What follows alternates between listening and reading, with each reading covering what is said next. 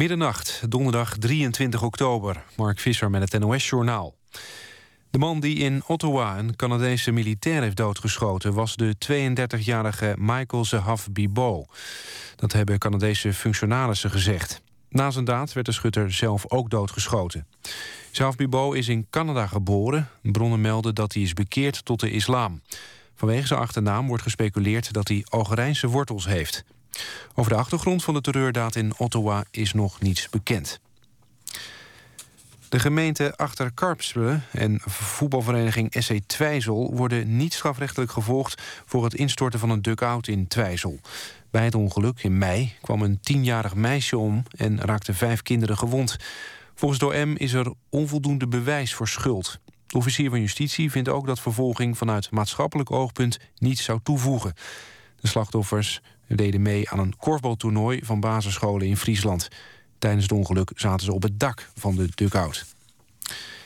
In het onderzoek naar de bende van Nijvel is een nieuwe arrestatie verricht. De Belgische politie heeft de voormalige tweede man van een extreemrechtse groepering opgepakt.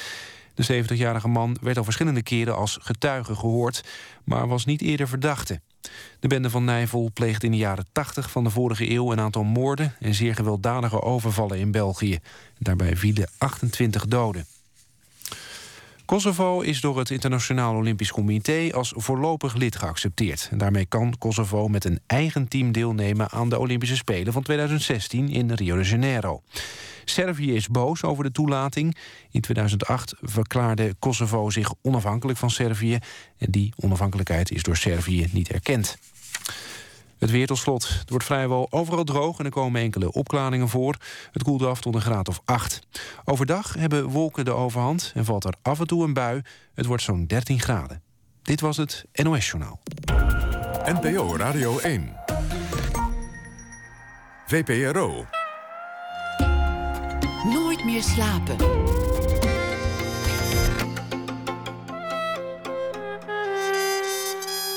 Met Pieter van der Wielen. Goedenacht en welkom bij Nooit meer slapen. Over jazzlegende tenorsaxofonist Sonny Rollins gaan we het hebben na één uur. Over hem is een uh, film gemaakt. En een verhaal krijgt u van schrijver Joris van Kasteren... die deze week elke dag een verhaal voor ons maakt. Maar we beginnen met Annette Malherbe. Van juffrouw Jannie in Jiskevet... tot een gehaaide officier van justitie in de film Lucia de B. Of Willemijn Lodewijks in Gooise Vrouwen... of de assistente van de mysterieuze Borgman... in de gelijknamige film Borgman.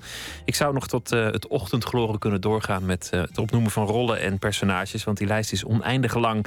Vanaf morgen staat zij weer in het uh, theater aan Oude Liefde. Met uh, Annie M.G. op Soesdijk. Een waar gebeurd verhaal. op theater gemaakt over een toneelvoorstelling in 1958. Waar koningin Juliana als amateur in meespeelde. Welkom, Annette Maher. Dankjewel. Het is een waar gebeurd verhaal, hè? Dat Juliana ineens toneel wilde spelen. Ja, uh, nou ja, waar gebeurt verhaal. En, en, ook niet ineens. Zij uh, uh, is altijd een fervent amateur-toneelspeelster geweest. is mij verteld. Ik wist dat ook niet hoor. Um, maar dat is zo. En dat heeft ze vanaf haar studietijd tot dat niet meer kon. geestelijk, geloof ik, dat, dat gedaan. En um, met de nadruk op, als, op uh. Want dat waren ze echt. En we hebben ook wel wat uh, informatie uh, ingewonnen. Of tenminste met de Bouwhuis, de regisseur die dit geïnitieerd heeft en regisseert... is hier al heel lang mee bezig. en heeft ook heel veel mensen gehoord en gesproken over, over dat fenomeen. En ja, ze, ze speelde dus met haar vriendinnen amateurtoneel. 1958, dat is een, een beladen jaar in het eh, leven van koningin Juliana. Daar wordt ook altijd heel veel over gesmoezeld wat er nou precies gebeurde in dat jaar. Het was in ieder geval de tijd dat Greet Hofmans. Die was net vertrokken, ja. Die was om haar heen hing en was, was vertrokken. Dat er een kabinetscrisis was afgewend over het onderwerp. Dat er in de buitenlandse pers werd geroddeld. En naar verluiden, dat is later in, in allerlei boeken wel of niet terechtgekomen haar huwelijk met, met Bernard aan een zijden draadje hing. Zeker, dat hing zeker aan een zijden draadje. En uh, nou ja, uiteindelijk uh, hebben ze allebei eieren voor hun geld gekozen, denk ik. Zij uh, dat ze een man had en hij dat, ze, dat hij een vrouw had die in ieder geval zijn zijn daden een beetje uh, vergoelijkte en daarmee wilde leven. Het moest maar zo. Ja. Dat was eigenlijk de conclusie in 1958. En midden in die storm besluit ze van nou, ik, ik, ik heb wat ontspanning nodig, ik wil even wat anders. Nou, het is ook een beetje, kijk, ze deed dit al, ook voor uh, Greet Hofman. En ze, um, uh, die, maar goed, haar oud, oude vriendinnen zijn gedurende de Hofmansperiode uh, weggestuurd, zeg maar. En toen Hofmans weggestuurd was, ehm, zijn er vriendinnen weer teruggehaald. Zijn, want ja, ehm, ze had niemand meer over.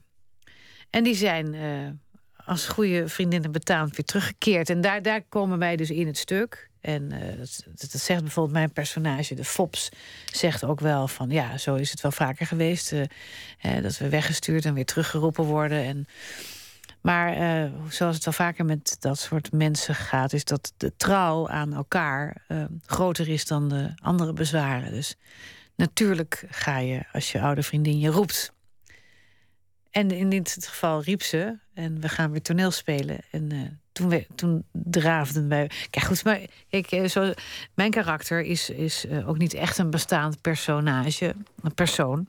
is een beetje bij elkaar gefantaseerd, bij, door, hè, een beetje bij elkaar geschoven, in elkaar geschoven vriendinnen. En, en dat vind ik zelf ook wel interessant, dat ik ook niet echt iemand ben. Niet uh, een bestaand iemand. Dat vind ik als acteur... Dat geeft je ook een beetje de vrijheid om, om er een personage van te maken. Anders dan moet je je afvragen, hoe was iemand? Het is moeilijker om Juliana te spelen. Of misschien minder interessant ook in een bepaald opzicht. Ja, maar ik denk dat je ook gewoon je. Hè, het is theater, het is toneel. Dus een bepaalde mate van vrijheid kun je je wel permitteren, vind ik persoonlijk. Annie M.G. Schmid die heeft ook in het echt werkelijk een, een stuk geschreven voor Juliana. Ja, dat is een verzoek geweest van Juliana. En dat heeft ze ook werkelijk gedaan. En dat, heet, uh, dat stuk heet Vrouwen om Dr. Deninga. En dat is een, uh, een komedie. En, uh, een blijspel. En zoals in, waar, in vele blijspelen is het onderwerp overspel. Dat is natuurlijk een, een ja, Het is komisch dat ze daar dan op de planken over overspel heeft staan acteren. Ja. Terwijl dat is een, een pikant detail. En ze heeft het ook drie keer gespeeld. Uh, in, in, drie verschillende periodes. Uh, in 58 en toen uh, rond de Lockheed-affaire. en geloof ik ergens nog in de jaren 70 heeft ze het ook nog een keer gedaan. Voor dus, intimie, gewoon ten paleize. Ja, voor en dat moet je je voorstellen. Dat zijn dan gewoon haar vriendinnen. En die misschien hun kinderen meenemen. Of echt vrienden die man of dertig misschien wel, die daar dan uh, op Soesdijk in de stukzaal komen kijken. Wonderlijk eigenlijk. Ik vind Annie M. G. Schmid een, een, fenomeen, maar koningin Juliana, hoe, hoe, langer het geleden is, is eigenlijk een hele wonderlijke koningin geweest. In heel veel opzichten. Ja, nou ja, goed, ik, ik weet niet hoe oud jij bent. Hoe oud ben jij? 40. Oh ja, nou, ik, ik heb het allemaal niet zo meegemaakt nee, hoor. Maar... Nou, ik wel. Hè. Wij zijn natuurlijk allemaal opgegroeid met. Dat was onze koningin. En, uh, maar ik heb het. Nou ja, goed, ik, ik, ik vind het sowieso. Ik vind het heel vreemd, dat hele um, Koningshuis. En, en dat, dat, dat iemand door geboorte uh, dan. Tuurlijk, dat maakt elke koningin een wonderlijke ja. koningin. Natuurlijk. Ja. Maar, maar zij leek op, de, op een bepaalde manier zo bij die tijd te passen. Met, met progressieve gedachten en de gedachte dat alles anders allemaal, moet. Allemaal. Uh, gekortwiekt natuurlijk, want ze kan niet. Ze wilde, ze wilde toch zo heel graag gewoon zijn. Nou ja, dat is onmogelijk. Je kan als koningin niet gewoon zijn. En, en, en om, om dat maar heel hard te blijven roepen, dat is natuurlijk ook uh, zeer naïef. Want je bent niet gewoon, want iedereen uh, loopt om je. je, bedoel, je Mensen moesten mevrouw zeggen, maar ja, dat, dat is ook weer ongemakkelijk als ja. je dan ineens tegen ja. de koningin mevrouw moet ja. zeggen. Ja. Ja, maar goed, zij, zij leeft natuurlijk ook in een schijnwereld. Ze kan wel zeggen, ik, kon wel zeggen, ik, ik ben gewoon. Maar uh, ze, ze, is altijd alleen opgegroeid met een moeder die wel weliswaar heel veel van haar hield. Maar uh, met alleen maar uh, kindermeisjes en, en, en lakeien en hofdames. En er is toen nog wel een klasje, geloof ik, voor haar gemaakt. Maar ja, het is toch een belachelijk leven wat iemand leidt. Je kan toch, bedoel, Ja, nee, dat, ik kan me daar niks bij voorstellen. Maar dan, dan is het wonderlijke aan het stuk wat jullie gaan doen. Ton Forsterbos die heeft daar een, een, uh, toneelstuk van gemaakt. Ja. Dat jullie het oorspronkelijke toneelstuk in een toneelstuk opvoeren. Ja, dus wat je ziet eigenlijk is uh, de koningin die met haar vriendinnen dat stuk repeteert. Het is dus een stuk in een stuk. En dat, uh, nou, dat is op zijn zachtst gezegd behoorlijk ingewikkeld. Uh, om, hè, dat is in theorie natuurlijk, denk je, nou leuk. We zien, we zien de koningin en haar vriendinnen dat repeteren. En op, op, op geheel eigen wijze en zeer amateuristisch. Ze kunnen geen tekst onthouden, ze vergeten de hele tijd. Maar goed, dat kan je op toneel niet zo heel lang volhouden natuurlijk. En onze zoektocht gaat er eigenlijk nog steeds over van waar... Op welk moment kunnen we het wel en op welk moment kunnen we het niet? En als we het niet kunnen, hoe lang houden we dat dan vol? En hoe lang kunnen we dan uit het boek blijven spelen? we hebben het tekstboek in de hand. Um, nou ja, dat is, dat is een hele delicate balans. Dat je... Jij bent je personage, maar je bent tegelijk ook je personage dat een personage acteert. En dat dat eigenlijk niet heel goed doet, want het is een amateur. Ja, Actrice. Dus jij en dan moet... kom ik er ook nog eens achter dat dit. Want we hebben dat stuk allemaal niet gelezen. Dus we gaan een beetje zo voor de, voor de vuist weg dat stuk repeteren. En dan komen met name ik en, en juffrouw Wies, uh, of Bien, de secretaresse van uh, Juliane erachter dat, dit, dat het over een overspelige echtgenoot gaat. Dat we denken, hè, terwijl dat ook gebeurt daar in het, in het, uh, in het, op het Hof zelf. En hoe, in hoeverre laten wij dat dan zien of niet? Nou ja, dat is nog steeds de zoektocht. Ingewikkeld. Hoe ja. acteer je iemand die slecht acteert? Nou ja, uh, met uh, veel terughoudendheid. Want ja, we kunnen allemaal natuurlijk wel een beetje raar gaan praten. Maar dat, dat is heel even leuk. En dan niet meer.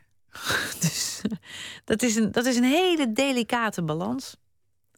Om, om goed of slecht te acteren. Want je nou, moet je ook over je, kan heus wel slecht acteren. Alleen dat, dat kan je niet al te lang doen. Want dan, ja, het is een truc. Het is een, het is een gimmick. Dus op een gegeven moment moet je wel erin glijden, denk ik. En waar dat dan is, en nou ja, dat zijn we nog aan het uitvinden. En terwijl we morgen eerst try-out hebben. Oh, lekker spannend. Is, is het altijd zo spannend? Uh, nou, het is altijd spannend natuurlijk, maar dit is wel extra spannend. Maar goed, een try-out, ik, ik, ik vind het ook fijn hoor dat er morgen mensen komen. Dus uh, en die weten ook dat een try-out is. Een try-out is niet voor niks een try-out. Hè? Het woord zegt het al. Dus we gaan dingen proberen daar en kijken wat wel en wat niet kan. En um, het is ook een luxe dat je We hebben iets van uh, zeven of acht try-outs. Dus uh, daar kunnen we heel veel in doen. Dan kan je grote stappen zetten. Dus in, in principe um, uh, is er nog niks aan de hand. Nee, er is nog niks aan de hand. En trouwens, al was er iets aan de hand, dan moest je dat ook nog heel hard tegen jezelf zeggen. Want anders dan. Ja, nee, maar goed. Het, niet. Nee, maar we willen. Goed, het is nog een. een, een, een uh, het is een work in progress. Is nog steeds volgens mij voor jou het, het leukste, hè, toneel? Ja, dat is wel uh, waar mijn hart ligt. Waar ik uh, geboren ben, zeg ik altijd. Maar. En dat ik, ik vind het nog steeds uh, heel fijn om op het toneel te staan. En direct uh, contact te hebben met de zaal en met het publiek. En ik vind het ook nog iets magisch hebben dat, dat er mensen gewoon ja, een oppas hebben gebeld. En dan niet de televisie aanzetten, maar gewoon op de fiets stappen of in de auto en naar de Schouwburg gaan. Dat is toch een bewustere keus. Heeft het, heeft het nog invloed, dat publiek, op, op hoe je speelt, op jouw op jouw rol of op, op jouw personage? Acteer je elke avond anders als het op toneel is? Nou, het heeft zeker invloed, maar het heeft, ik, speel natuurlijk niet iedere avond een andere rol of een, een, een totale andere interpretatie van die rol. Maar het heeft wel te maken. Um, uh, het publiek is eigenlijk is ook een speler. He, die geeft ook en die, die, die leidt je ook af of die, die ademt mee of die heeft juist een hele andere hartslag. Um, en dat maakt het tegelijkertijd ook zo ontzettend leuk dat je de ene avond een zaal hebt die je meteen uit je hand eet. En de andere avond heb je een zaal die zijn hak in het zand zet en zegt van nou, nou kom er eens op. Uh, Hoe ziet dat eruit? Want ja. jij doet het nu meteen met je, met je, je armen over elkaar en je gaat wat naar achter zit. Is dat ook hoe het eruit ziet? Nou, dat waarschijnlijk niet. Want, want, nou ja, je voelt het gewoon. De, de, de um, ja, ik kan het niet anders uitleggen dan dat de zaal ook een speler is. Die speelt ook een rol in, in, in, in, het, in het ritme van de, in de, van de voorstelling. En natuurlijk heb je, uh, ben je niet overgeleverd aan het publiek. Want je hebt natuurlijk ook heel veel macht op het toneel. Maar ook weer niet, want er hoeft maar één iemand in de, zaal, in de zaal te gaan roepen: wat is dit voor onzin? Of weet ik voor wat. En je bent helemaal nergens meer. Maar dat gebeurt helaas, of gelukkig niet zo vaak. Het gebeurt wel eens. Maar niet heel vaak, nee. Nee, maar het gebeurt wel hoor. Dat, je, dat er mensen gaan roepen. Nou ja, dat is ook wel weer spannend. Maar um, ja, het is gewoon leuk dat als je de ene avond niet zo goed hebt gespeeld. of dat de voorstelling niet zo lekker ging. dat je dan de volgende avond nog een keer mag doen. En dat, en dat je het nog een keer mag proberen. En dat je dan misschien wel een hele goede voorstelling speelt. Ik noemde net uh, een, een, aantal van, de, van jouw beroemde personages. Dit zijn er nog, nog veel meer. Hoe bereid je je daarop voor? Is, is daar iets over te zeggen? Of is dat, is dat meer een intuïtief proces? Hoe jij zo'n rol je eigen maakt? Hoe zo'n personage ontstaat? Nou ja, dat is, dat is afhankelijk van heel veel factoren. Dat eh, is afhankelijk van degene waarmee je hem speelt, degene die het regisseert. Uh, ja, nou ja, het wordt op een gegeven moment wel heel erg van jezelf. Nou, dat hoeft, nou ja, ik ben degene die het speelt, maar ik bedoel. ik wil niet eh, zeggen dat jij het bent, maar het, het, het, valt op een gegeven moment wel heel erg samen met hoe jij het speelt. Niemand anders zou juffrouw Jannie kunnen spelen. Nou, dat weet je niet. De, de enige die het gespeeld heeft, ben ik. Neem van mij aan, het zou heel raar zijn als iemand anders het Ja, maar goed, als iemand anders het had gedaan, dan had je dat vergelijkingsmateriaal niet gehad, snap je? Stel dat, uh, weet ik veel, weet ik, iemand anders die rol had gespeeld, dan was dat juffrouw Jannie geworden.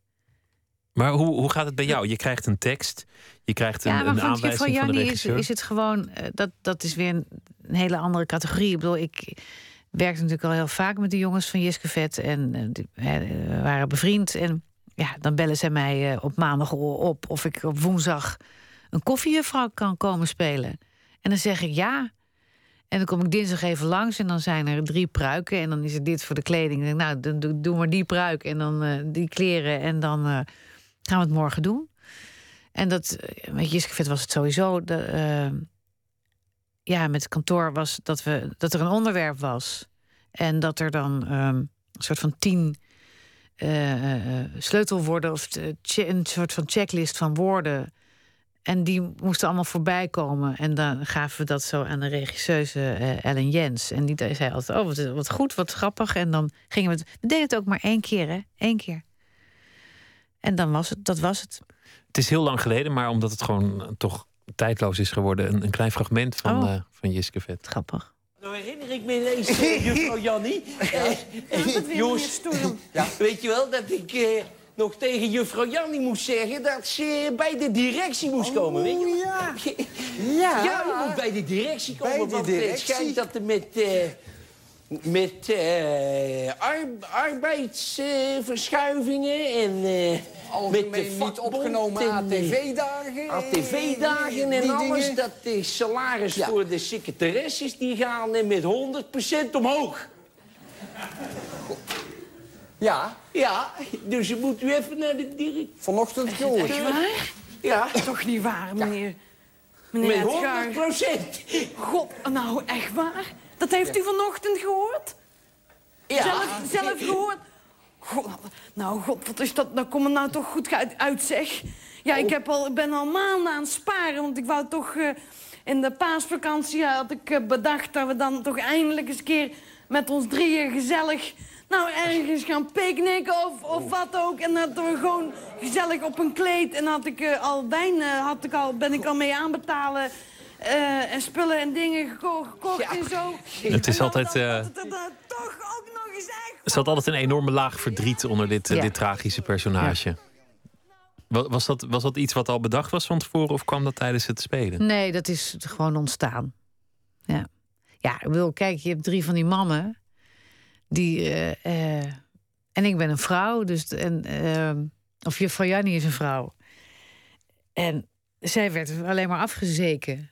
Nou ja, dan moet je iets tegenover zetten. Of eh, dat ze dat niet merkt, omdat ze zo in haar eigen wereld. En ze zag er natuurlijk ook heel triest uit. Ik bedoel, een vrouw met een beetje een doorgroeiende wenkbrauw en een beetje een snor. Ja, hoef je niet zoveel meer voor mee te doen, toch?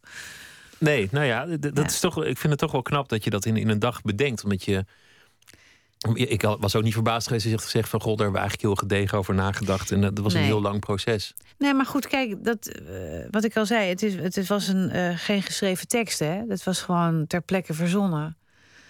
Dus ja, en...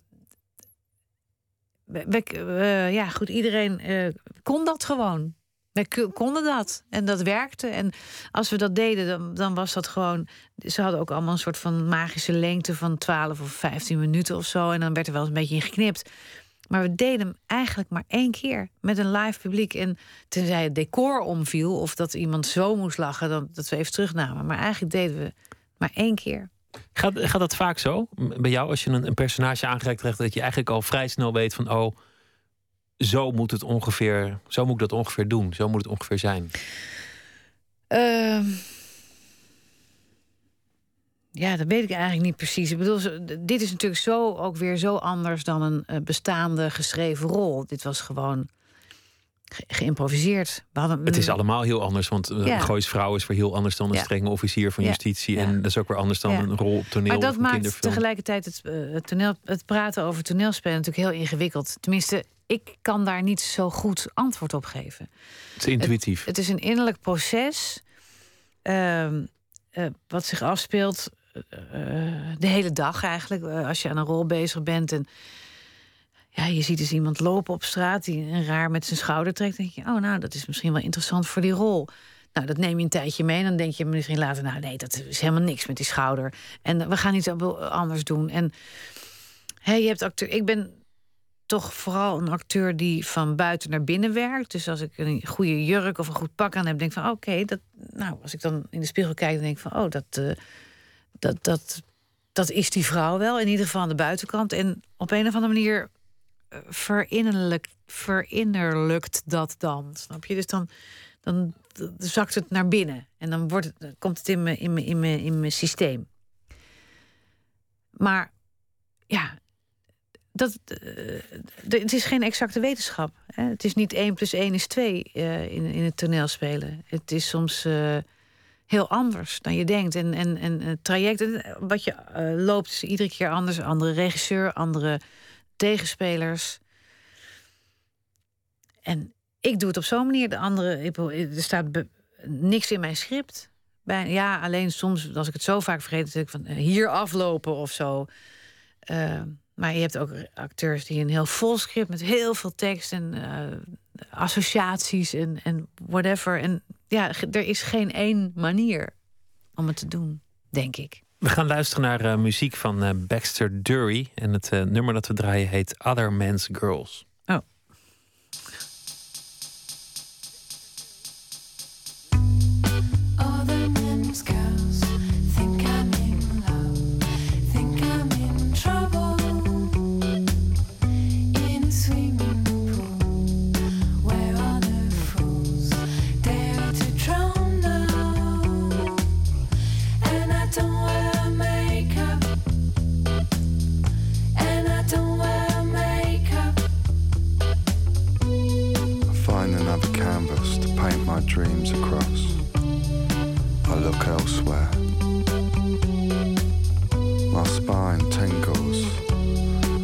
As I know we're a well rehearsed disaster.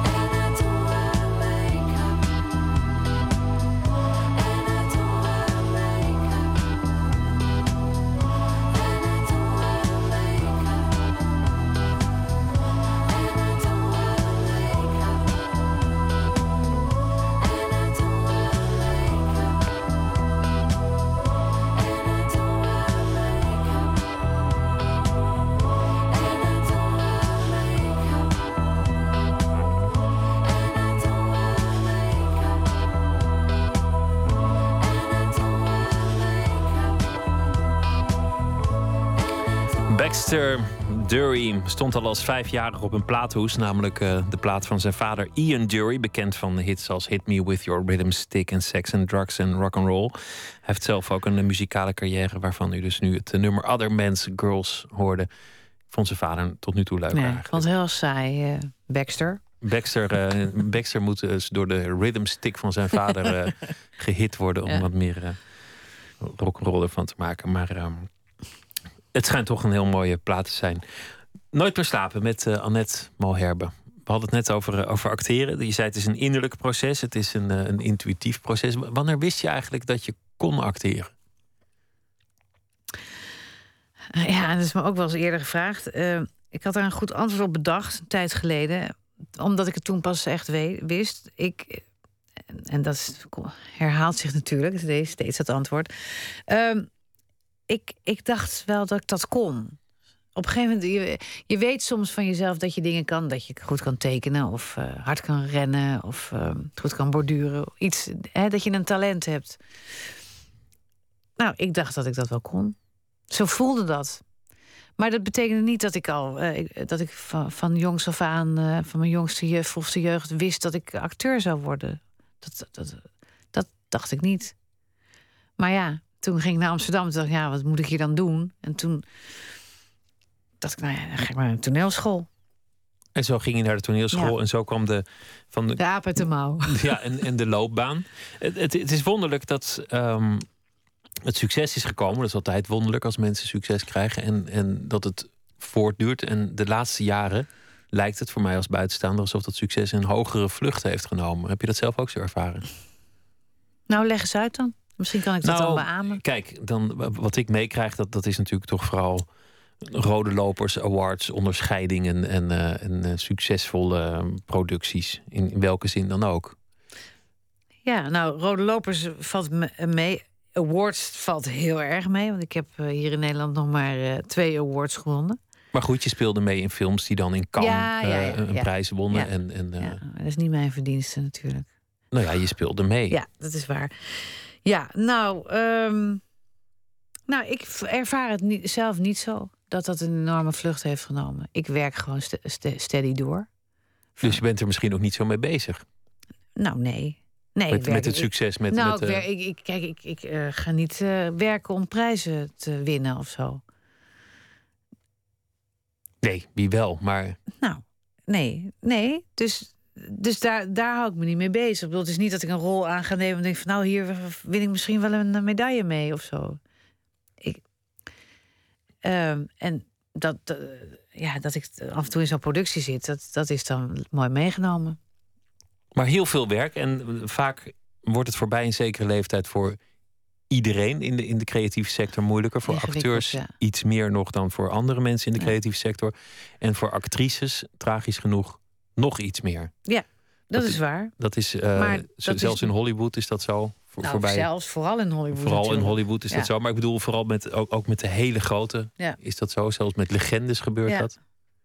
Ja, maar af en toe zie je dan toch zo'n legende die dan eh, 10 of 20 jaar out of the picture is geweest, ineens weer opduiken als een hele oude oma of opa. En kijk, het leuke van, acte- van acteren is dat je het gewoon kan blijven doen. Eh, met name op toneel.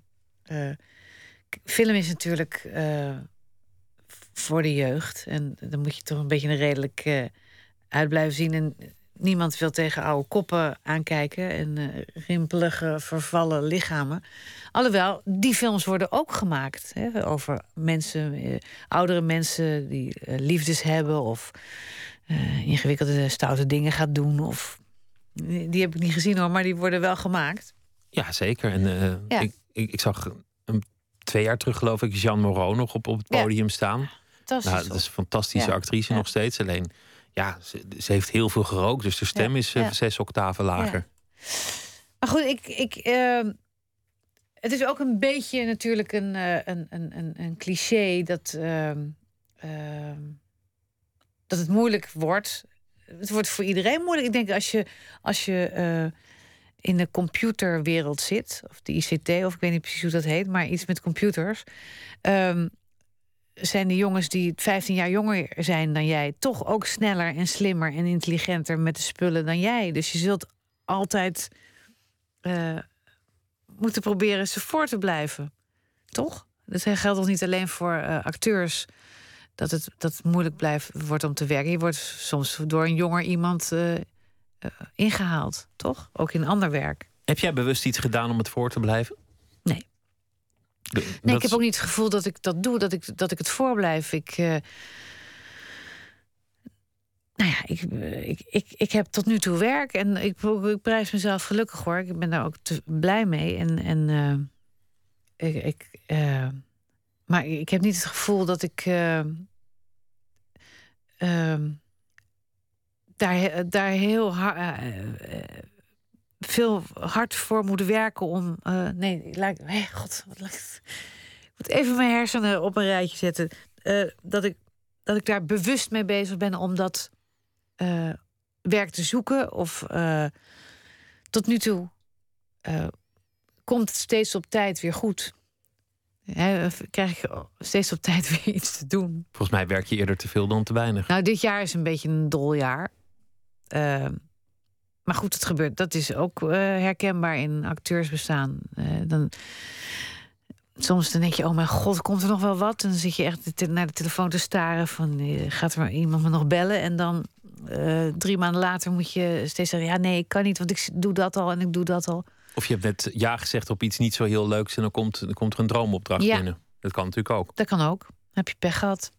En dan twee mensen die zelfstandig zijn in de creatieve sector in één huis. Hoe werkt dat? Nou, dat werkt heel goed. Ja, al Ja. heel lang, anders, Ja. anders waren we niet bij elkaar. Ja. Nee, dat, ja, kijk, maar ik ben natuurlijk geen, ik ben geen maker. Ik ben een uitvoerder. En dat is het grote verschil. Jij hoeft niet te gaan zitten op, met een leeg vel en iets te Nee, bedenken. En, nee. en jouw man, Alex van Warmer, dan moet dat wel. Ja. Dat is een En groot die kan dat ook. Ja. ik kan dat niet. In hoeverre werken jullie daarin samen? Of is het als jullie samenwerken, gewoon toch een relatie van, van acteur en regisseur? Ehm, dat, dat verschilt een beetje. Ehm, nou ja, duidelijk is dat hij het schrijft en bedenkt. En, en eh, dat, is, eh, dat is helemaal zijn, eh, komt helemaal hem toe. En ehm, ik lees het dan als het, meestal als het klaar is. Zo, gaat, het, zijn, gaat het de laatste jaren. Eh, soms, in het begin las ik nog wel eens mee over de schouder, maar dan ben je al eh, helemaal eh, erin en voorbereid. En nu krijg ik het affe ding, afgeschreven script. En dan kan ik het in één keer lezen. En dan heb je een, ja, een verse eh, reactie. Nou ja, en dan is het eh, eh, veel praten. Dus hij praat dan tegen mij. En dan, of hij toetst soms van, van wat vind jij van die scène? Meestal als hij al een beetje onzeker is erover. Het is meer, ik ben meer een, een, een, een- een sparringspartner dan. eh als ik zeg, nou ja, dat is echt een flutscène. Dan zeg ik, ja, dat dacht ik wel. En dan gaat hij eruit. Weet je, het is meer toetsen eh, van. Maar je speelt vrij vaak in zijn films mee. Eigenlijk eh, in de laatste films heb je altijd wel een rol. Soms een wat grotere, soms een wat kleinere. Maar ook in de volgende film eh, zul je weer zijn. Ja. Dan, dan is die kennelijk toch in een vroeg stadium wel al met jou bezig. Of werkt het anders? Eh, ja, maar ik, het is wel eh, heel duidelijk dat het, dat het geen verplichting is. Ik bedoel, hij heeft me ook wel eens gevraagd voor een, voor een rol waarvan ik zei van nou, dat, dat, dat moet ik niet doen. Dat is helemaal mijn rol niet. Daar moet je gewoon iemand anders voor nemen. En dat moet ook zo zijn, want het zou natuurlijk idioot zijn dat, dat, dat hij, als hij aan het schrijven is en dat er een vrouwenrol langskomt voor iemand van mijn leeftijd, dat, dat ik dan nog en dat is mijn rol. Dan kan hij, moet wel vrij zijn om te kunnen schrijven. Onbeperkt of ongehinderd kunnen nadenken over wie dat wel of niet moet spelen. Maar goed, we, eh, eh, we kunnen goed praten. Ik doe de casting eh, voor hem, voor de, zijn films. Dus, eh, omdat ik meen te weten wie die dan moet hebben daarvoor. We hebben minder woorden nodig. Ik begrijp hem sneller, hij begrijpt mij. Ik bedoel, we kunnen al heel snel dingen elimineren, snap je? Je hoeft niet al, die, al, die, al dat gelul eh, is, is niet zo nodig. En, en de, de stress van de set komt niet mee eh, naar de ontbijttafel. En de stress van de ontbijttafel die gaat ook niet mee naar de set. Eh, soms wel. Ehm, de, set, de, stre- de stress van de set, dat valt mee. Want als we eenmaal draaien, dan ben je wel aan het draaien. Tenminste, eh, goed, ik kan eigenlijk alleen maar denken aan de laatste film. Weet je wat die nog vers in mijn eh, geheugen zit. Daar hebben we deze zo- zomer eh, negen weken gedraaid. En ik, ik vond dat bijvoorbeeld een lastige film. Ik vond het moeilijk. Ik, was daar echt wel gespannen en nerveus over... om het voor elkaar te krijgen, om die casting voor elkaar te krijgen... Ehm, maar toen we eenmaal gingen draaien. Nou ja, dan ben je aan het draaien, dan ben je gewoon aan het werk, weet je wel. En dan ga je dingen oplossen. En dan, dan ben je wel ergens mee bezig. Dan is het. En Dan, neemt de professionaliteit het gewoon ja, over. en dan ben je s'avonds zo moe. Dus dan, voordat je, als je twee woorden hebt gezegd, dan lig je al op de bank te slapen, zo'n beetje. Dus dat. Maar goed, we, natuurlijk hebben we het erover. En soms eh, eh, zeggen we, we gaan het er gewoon niet over hebben, even niet. Laten we weer eh, luisteren naar een, eh, een muziekje om het eh, goed te maken voor Baxter Jury. Namelijk Aretha Franklin. Die komt met een nieuw album. Dat was groot nieuws Ja. vandaag. En dat is ook goed nieuws. 72 jaar is ze inmiddels. Ze heeft een, een liedje van Alicia Keys ehm, opgenomen. En dat liedje heet No One.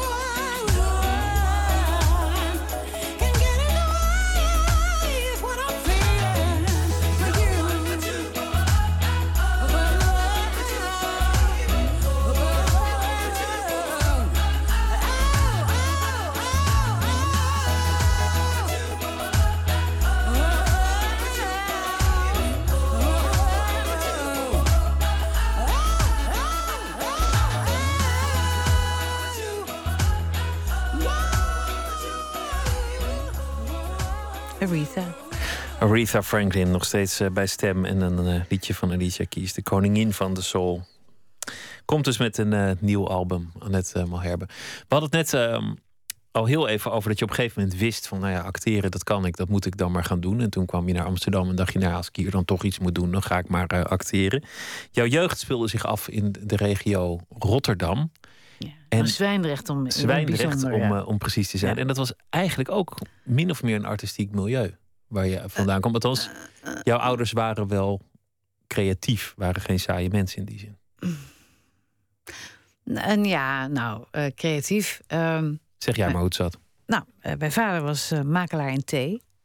Theemakelaar. En mijn moeder was eigenlijk gewoon huisvrouw. Of gewoon, was huisvrouw. eh, maar he- heeft wel eh, vroeger, eh, voordat ze kinderen kreeg, eh, gedanst. Ze heeft zelfs nog eh, twee eh, voorstellingen bij de Haagse Comedie gedanst. Deed Indiaanse dansen. Maar ze waren niet pro- professioneel. Tenminste, eh, mijn moeder even tijdelijk. Maar toen vond mijn vader het wel welletjes. Dus die zei van ja, Dat is mooi geweest. Kinderen of een carrière. Daar, daar kwam het eigenlijk een beetje op neer. Dus die heeft eigenlijk de, de, de ambities van je moeder gewoon afgekapt een beetje. Ja, ik denk het wel. In die tijd eh, was dat. ja. Het is wel, wel leuk om een beetje eh, over, over het toneel heen te springen. Maar ja, dat heb ik altijd begrepen. Dat, dat, dat er op een gegeven moment wel werd gezegd: van ja, nu moeten we wel eh, een beetje serieus gaan worden. Maar goed, het was niet zo dat. ehm, eh, ze hebben mij geen in de weg gelegd. Van kind, wat ga je nou doen? En eh, ehm, het, ja, goed, mijn we, we, lazen de krant, we hadden de NRC en we stonden boeken in de boekenkast. En eh, er was een gesprek. Het was niet zo dat ze eh, culturele dummies waren. Nee. Maar hebben ze je, ehm, ze hebben je niks in de weg gelegd, maar hebben ze je gestimuleerd? Vonden ze het misschien eigenlijk wel leuk dat, Ja, absoluut. dat jij ja. dat ging doen wat, wat zij zelf niet kon doen? Nee, nee, maar, ja, maar het is niet zo dat zij dat niet eh, hebben gedaan. Eh, mijn vader, eh, die kon een leuk potje toneel spelen op, eh, eh, eh, op een verjaardag. Maar ik denk niet dat dat zijn ambitie was of zo. Misschien als hij nu had geleefd, misschien wel. Maar. ehm, en ja, het is niet. Ja, misschien mijn moeder, als zij ook eh, nu had geleefd, had ze misschien een ander pad gelopen, ja. Maar goed, het was heel conventioneel. En mijn moeder kwam uit Indonesië, dus die moest zich aanpassen. Aan dat koude land en Ja, aan, aan die ja. man die, die, eh, Ja. die ook gewoon wist hoe het, hoe het hier werkte. Nou, dacht dat hij het wist, hoe het Dacht hier het, werkt. ja. Hebben ze, hebben ze jouw ehm, carrière nog meegemaakt? Hebben ze zich, daar zijn ze nog wel eens wezen kijken, bijvoorbeeld? Zeker, ja, ja, ja. wel. Nou goed, mijn moeder is ehm, nu twaalf jaar dood, denk ik. Elf jaar, twaalf jaar. Oh, dus die heeft nog heel veel meegemaakt. Jawel, ja hoor. Maar mijn vader weer, weer zes jaar daarvoor. Ehm, nee, maar goed, ze hebben, wel, ze hebben wel gezien dat ik ervan kon leven in ieder geval. Maar hebben ze je ooit een compliment gegeven? Ja. Nou, ze waren niet zo scheutig met complimenten. Ehm, maar eh, ja, eh, verkap, op een verkapte manier. Dus als eh, dan ehm, zei mijn moeder bijvoorbeeld... nou, en dan hoorde ik mensen over jou praten... en dan, nou, dan gloeide ik van trots. Dat, soort zei, dat, dat zei ze dan wel. En dan zei ik, maar zei je dan niet dat ik jouw dochter was? Nee, natuurlijk niet. Want dat is dan weer Het zou opscheppen, opscheppen, ja. Daar, daar hadden ze niet zo'n zin in. Nee. Je bent eh, eh, al heel lang met Alex van Warmerdam. Even, Ik moet even rekenen hoe oud jullie waren toen jullie elkaar tegenkwamen. Maar dat echt twintigers. Ja, ik was 22 en hij vijf jaar ouder. Dus dat was al meteen op die toneelschool. Ik zat nog op de toneelschool. Hij niet. Hij zat al in het echte leven. Hij zat toen bij Huis Kater. Dus die waren gewoon volop aan het spelen. En ik zat nog een- op de toneelschool, ja. En was, was hij dan ook, was hij ook iemand naar wie jij reikte? Was hij iemand tegen wie jij opkeek? Of, of speelde dat soort dingen niet? Eh, Nee. Nou, niet wat mij betreft. Eh, Ik, ik kende hem gewoon vanuit eh, het uitgaanscircuit. Ik kwam hem wel eens tegen. Gewoon zoals het gaat, zo in het Zoals café. het gaat. Leuke man, grappige Ja, man. nou ja, dat vond ik in eerste instantie niet zo. Maar ehm, ehm, ik, we hebben elkaar eigenlijk officieel ontmoet op een feestje. En van het een kwam het ander. En nu zijn we 35 jaar verder. En zijn de kinderen het huis uit? En zijn de kinderen het huis uit en groot en volwassen. Ja. Dat is eh, ja, heel in het kort even gewoon Ja. een leven eigenlijk, Ja. hè, wat, er, wat er tussendoor Ja. gebeurt. Ja. Ja. Ja. Wa- wat jullie delen is eh, eh, Spanje. Ja. Dat, dat is iets wat jullie eh, bindt naast het werk. Eigenlijk iedere gelegenheid die er is, als de agenda's het toelaten, dan, dan peren jullie hem naar, Ja. naar Spanje. Is dat nog steeds zo? Komen jullie daar nog aan toe? Nou, dit jaar eh, nauwelijks, maar volgend jaar wel. Nu, ja, zo gaat het. Dus ik heb het nu veel te druk. Ik moet, eh, heel veel, ik moet 72 keer spelen, deze voorstelling. En eh, daarna moet ik nog een andere voorstelling spelen. Dus tot volgend jaar, begin mei, zitten we hier. Met een kleine, kleine kerstvakantietje, daar kunnen we nog wel naartoe. Maar dan gaan we proberen wat langer te gaan. Eh, een maand of zes. Zo? Ja, dat hoop ik dan. Hè? Dat zeg ik dan nu. En dat wordt altijd minder. Want ja, als er iets langskomt waarvan ik denk van nou... hmm, hmm, hmm. Ik, moet ook, eh, ik moet het ook verdienen, hè? Maar het is eh, eigenlijk een beetje je tweede vaderland geworden. Of een soort home away from home. Of, of, Ja, nou, ik voel... Ja, dat vind ik altijd van die grote woorden. Ik voel me daar heel erg op mijn gemak. Ik voel me daar heel erg thuis. Ehm, als ik daar ben, dan denk ik niet... eh, wanneer kan ik zo snel mogelijk weer naar Amsterdam? Eh, eh, en het ter- teruggaan naar Amsterdam komt altijd te vroeg. Dus ja. Nou ja, dan moet, Je, moet je dat zoveel mogelijk doen. Dat Ja. lijkt, me- lijkt me Ja, nog wel maar logisch. ik wil, zou daar nooit permanent willen wonen. Ik vind het ook leuk, want ik vind Nederland ook leuk. Ik bedoel, dit, is, dit, dit is waar ik geboren ben en dit is waar ik woon. En nu, ehm, maar de, de, de, de, de afwisseling is leuk. En dat, dat, dat, dat we dat nog steeds kunnen doen. De zon, de sfeer, het eten. Ja, alles. Eh, En, en, en, en het is ook, eh, we wonen daar op het platteland. Het heeft niks met stad te maken. Het is gewoon eh, het Appingedam van Spanje. Je hebt, je hebt een paar jaar geleden een operatie ondergaan om gewicht te verliezen, een gastric bypass. Verandert dat veel aan hoe je met eten omgaat als je dan in Spanje bent? Want je, je moet nu echt tapas eten, denk ik. Kleine, kleine hapjes. Ja, nou, dat kan ook heel lekker zijn. En dat valt wel mee hoor. Ik bedoel, ik. eh, goed, ik eet eh, zeker een stuk minder. Of kan een stuk minder eten. Maar, Het gaat gewoon niet, want je, je zit gewoon vol op een gegeven moment, Ja. toch? maar dat wil niet zeggen dat je niet lekker kan eten, natuurlijk. Ik zou juist lekkerder eten als je minder eet. Ja, maar ik eet altijd lekker. Eh, ik, ik had vroeger ook lekker, maar nu eet ik nog steeds lekker. Alleen, ja, minder. Lijkt me, lijkt me zo, ik bedoel, als je er aan de hand hebt, volgens mij is het zo'n enorme verworvenheid, die, die operatie. Ja, ik heb ik- meer mensen gehoord die dat gedaan hebben. En, en allereerst redt het levens, maar daarnaast lijkt het me ook gewoon een geweldige oplossing om ineens gewoon veel minder te wegen. Ja, maar het is natuurlijk. Ja. Maar het is alsof je een zware koffer hebt en iemand zegt: Zal ik hem even van je overnemen? Dat zeker. Maar het is, ook, het is geen, eh, het is geen eh, wonderoperatie in die zin. eh, eh, je kan ook gewoon weer dik worden. Want eh, er zijn mensen die dan eh, ja, heel veel calorieën eten. Snap je? Als je, als je de hele dag maar eh slagroom eet. En een, een kleine hoeveelheid, maar wel de hele tijd dat. Of vet en zout en vet of zoet. Of, ja, dan word je uiteindelijk gewoon weer dik. Dat gebeurt ook wel eens met mensen, omdat die dan zo verslaafd zijn aan, aan vet en, en, en, en, en snacken en, en eh, gefrituurd. Je moet wel gezond eten. Is de- uiteindelijk is dat het gewoon, hè? dat op een gegeven moment je hoofd zich heeft ingesteld op een bepaalde hoeveelheid calorieën of, of voedingsstoffen. Ja. En dat je daarom daar niet meer vanaf Ja. komt. Dat, je, dat je brein gewoon als bij een verslaafde maar zegt: hé, waar, waar blijft het? Waar blijft het, ja. Dus, dus maar je zult ik heb zelf het gevoel dat ik nu dat mijn hoofd voor het eerst eh, begrijpt wat mijn lichaam zegt, namelijk vol, zijn er wel. klaar nu. En ehm, nou, het- dit is het. En ik voel me er prima bij. Het is- ik ben ook helemaal volgens het boekje, want ik ben dan heel erg afgevallen. En die chirurg heeft gezegd: van, ja, dan kom je uiteindelijk weer toch 6, 7 kilo aan. En dat is het dan. Nou, dat is ook precies zo gebeurd. En ehm, nu is, ja, als ik eh, zo, met, tijdens die film ben ik dan ineens eh, eh, anderhalf kilo aangekomen, omdat er steeds broodjes staan. En soms moet je gewoon eh, lang wachten. Of en als er dan van die broodjes langskomen, dan eet ik af en toe. Maar goed, ik eet, kan niet eh, een hele paal naar binnen drukken. Dus dan eet ik steeds van die hapjes, van die broodjes. Maar brood is natuurlijk sowieso een killer. Het is lekker, maar het is wel eh, veel koolhydraten.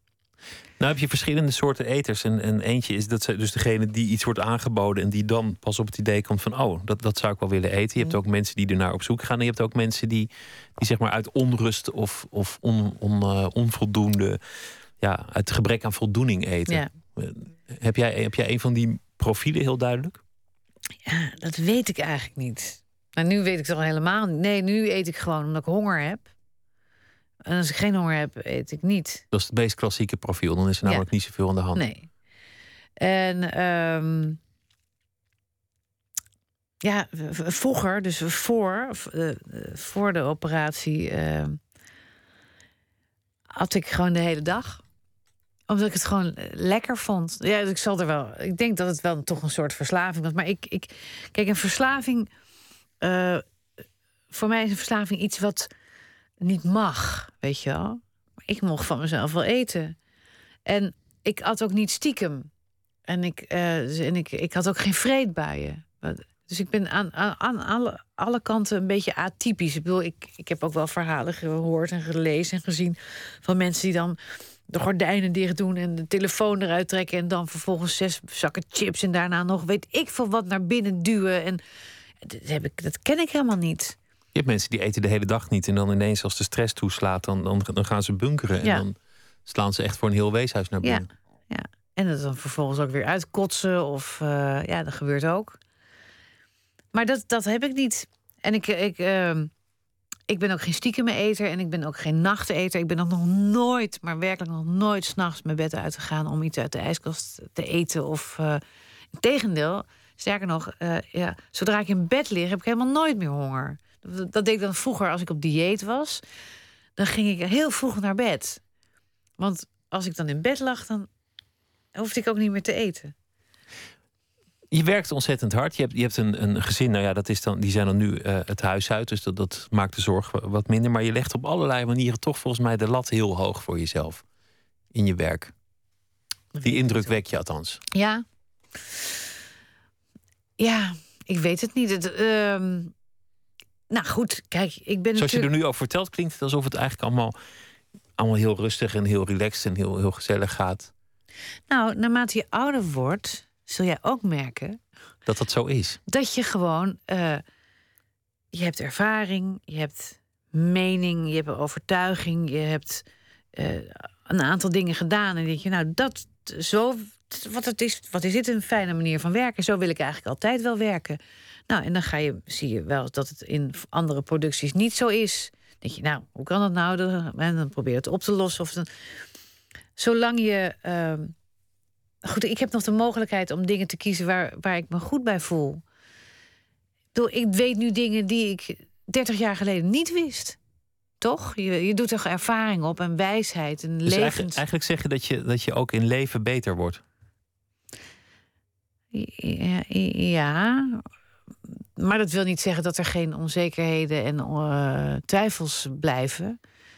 Maar, ehm, en, maar de sommige angsten worden minder. Hè, vroeger, eh, als je jong bent, ben je toch wel eh, een beetje beducht en angstig om je mening zomaar keihard te roepen. En, en terecht vind ik dat ook. Als een jong mens moet je gewoon je mond houden en opzuigen en, en kijken wat er om je heen gebeurt. En als je wat ouder bent, ehm, kan je aan sommige dingen gewoon scheid hebben. Dan denk je van ja, hallo, ik wil het zo. En zo ga ik het ook gewoon doen. Ja. Hoe zie je dat, dat voor je? Want ehm, nou, ik ken niemand in de creatieve sector die ook maar enige vorm van pensioen heeft opgebouwd. Dus ik, ik geloof dat jullie dat ook niet dan Nee. hebben. Nee. Nou, ik niet. nee. Alex wel, maar ik niet.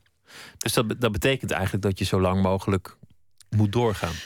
Ja, Maar misschien wil je dat ook wel. Maar dat lijkt me op zich ook nog. nou ja, ik wil het heel graag, maar eh, het apparaat moet het wel blijven doen natuurlijk. Het lichaam. Ja, dat is natuurlijk een heel kwetsbaar onderdeel erin. Eh, Het kan Nou ja, vol- zomaar haperen. Maar ja, volgens mij heb je net door die operatie de, de, de kans op het gezond functioneren van het apparaat. Ja, tuurlijk. Vergroot. Maar kan ook gewoon ineens kanker krijgen. Maar het, het, het beeld om als, als, eh, nou ja, als Jean Moreau op je 84ste op het toneel te staan. Dat schrikt mij niet af, nee. is eigenlijk best, best wel een beetje een ideaalbeeld, misschien zelfs. Ja. ik denk dat Sjaan wel zorgt dat ze in een leuk stuk zit. En dat ze dan eh, ook een leuke regisseur heeft. En dat ze ook eh, iets te spelen heeft. Want in die positie is ze natuurlijk. Dat ze de mensen erbij kan uitzoeken die ze graag wil. En de mensen waarvan ze weet dat die, eh, die goed voor de zorgen. Het schijnt dat ze de telefoon opneemt als een regisseur belt en zegt: Waag het niet om te zeggen dat je een oma-rol voor me hebt. Waag het niet, ik flikker nu de telefoon erop. Ja, En dan wil die regisseur er inderdaad zeggen: van, ja. mm, ik heb een leuke oma. dat was ik heb een hele leuke oma-rol voor je. Ja, nou ja, dat vind ik toch een beetje raar. Ik bedoel, eh, wat is er mis met een oma-rol, denk ik dan? Ze heeft er één gedaan en dan mocht ze met haar kleinzoon naakt slapen. Dat was dan, dan wilde ze het wel Oh, doen. ja, ja. Maar dat, dat is je voorland, eh, gewoon doorgaan met, met meer rollen, meer eh, toneel. Want je, je stopt eigenlijk met een rol wel altijd na een bepaalde tijd. En dan zeg je, nou, nu is het klaar. Gooi ze vrouwen op. En op een gegeven moment zeg je, nu is het klaar. Zo zijn er meer van die rollen geweest dat mensen zeiden, nou, dat smaakt naar meer. Dat, dat is niet iets wat jij doet. Nee, dat, nou ja. Dat zijn natuurlijk twee dingen eh, die me voortdurend worden nagedragen. nou, Ehm, dat, dat vind, ik juist, vind ik juist bewonderenswaardig. Mm, Ja, nou, dat, zo is het niet bedoeld. Tenminste, dat is, dat, daar zit van, wat mij betreft niet een soort van opzet achter. Ik bedoel, ik stop straks ook met deze rol die ik ga spelen in, ehm, ehm, in eh, Annie op Soesdijk. Maar omdat het dat toevallig op televisie was en dat het eh, eh, populair was, eh, is er veel ophef over. Nou ja, ik, ik vind het leuk om steeds nieuwe dingen te doen, andere dingen te doen dan, dan herhaalopdrachten. En op een gegeven moment wordt dat dan een herhaal, eh, een herhalingsoefening. En zolang ik dat niet hoef te doen, eh, zal ik dat niet doen. Ik wens je eh, alvast heel veel succes met de try-out morgenavond. Van, Is dit eh, al even klaar? Ja, we zijn, het gaat snel, hè? Noem, noem even waar jullie ongeveer allemaal eh, gaan Oh, spelen. dat weet ik niet uit mijn hoofd. Dat is een enorme lijst. Er zijn er 72. Oh ja, dat is misschien een beetje veel Amsterdam, gevraagd. Rotterdam, Den Haag, Uden, eh, Heer Utrecht. Hugo Waard, ongetwijfeld. Nou, ja, ook zeker. Alkmaar, Zutphen. Groningen, Zutphen. Waar niet? Annie MG op Soestdijk Ja. heet het eh, stuk. Dankjewel, Annette Malherbe. En eh, veel succes met eh, de try-out. eh, morgen is dat. Ja. Zometeen in Nooit meer slapen een gesprek met Joris van Kasteren... die ook een verhaal voor ons heeft geschreven. We gaan het hebben over Sonny Rollins. Ook zo'n oude held die, die maar doorgaat. En we gaan het ook hebben over hoe je Marktplaats als datingsite zou kunnen gebruiken. Want iemands interieur zegt toch uiteindelijk alles. Twitter, het VPRO NMS of via de mail nooit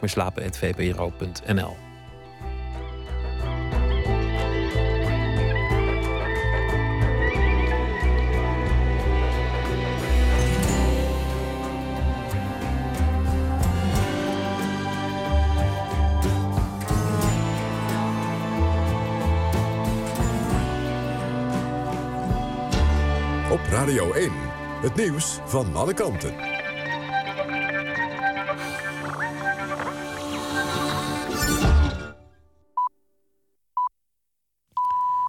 1 uur. Mark Visser met het NOS-journaal. De man die in Ottawa een Canadese militair heeft doodgeschoten... was de 32-jarige Michael Zahaf Bibo. Dat hebben Canadese functionarissen gezegd. Na zijn daad werd de schutter zelf ook doodgeschoten. Zahaf Bibo is in Canada geboren... en hij zou zich hebben bekeerd tot de islam. Autoriteiten en ooggetuigen zeggen dat de schutter een sjaal voor zijn gezicht droeg. Over de achtergrond van de terreurdaad in Ottawa is verder nog niets bekend.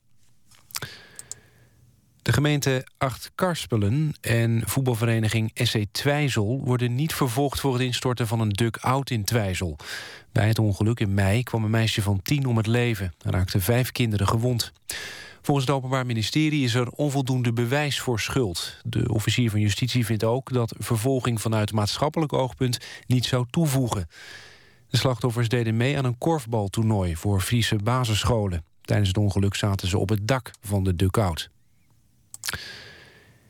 In het onderzoek naar de bende van Nijvel is een nieuwe arrestatie verricht. De Belgische politie heeft de voormalige tweede man van de extreemrechtse groepering Westland Nieuw Post opgepakt. De 70-jarige man werd al verschillende keren als getuige gehoord, maar was niet eerder verdachte.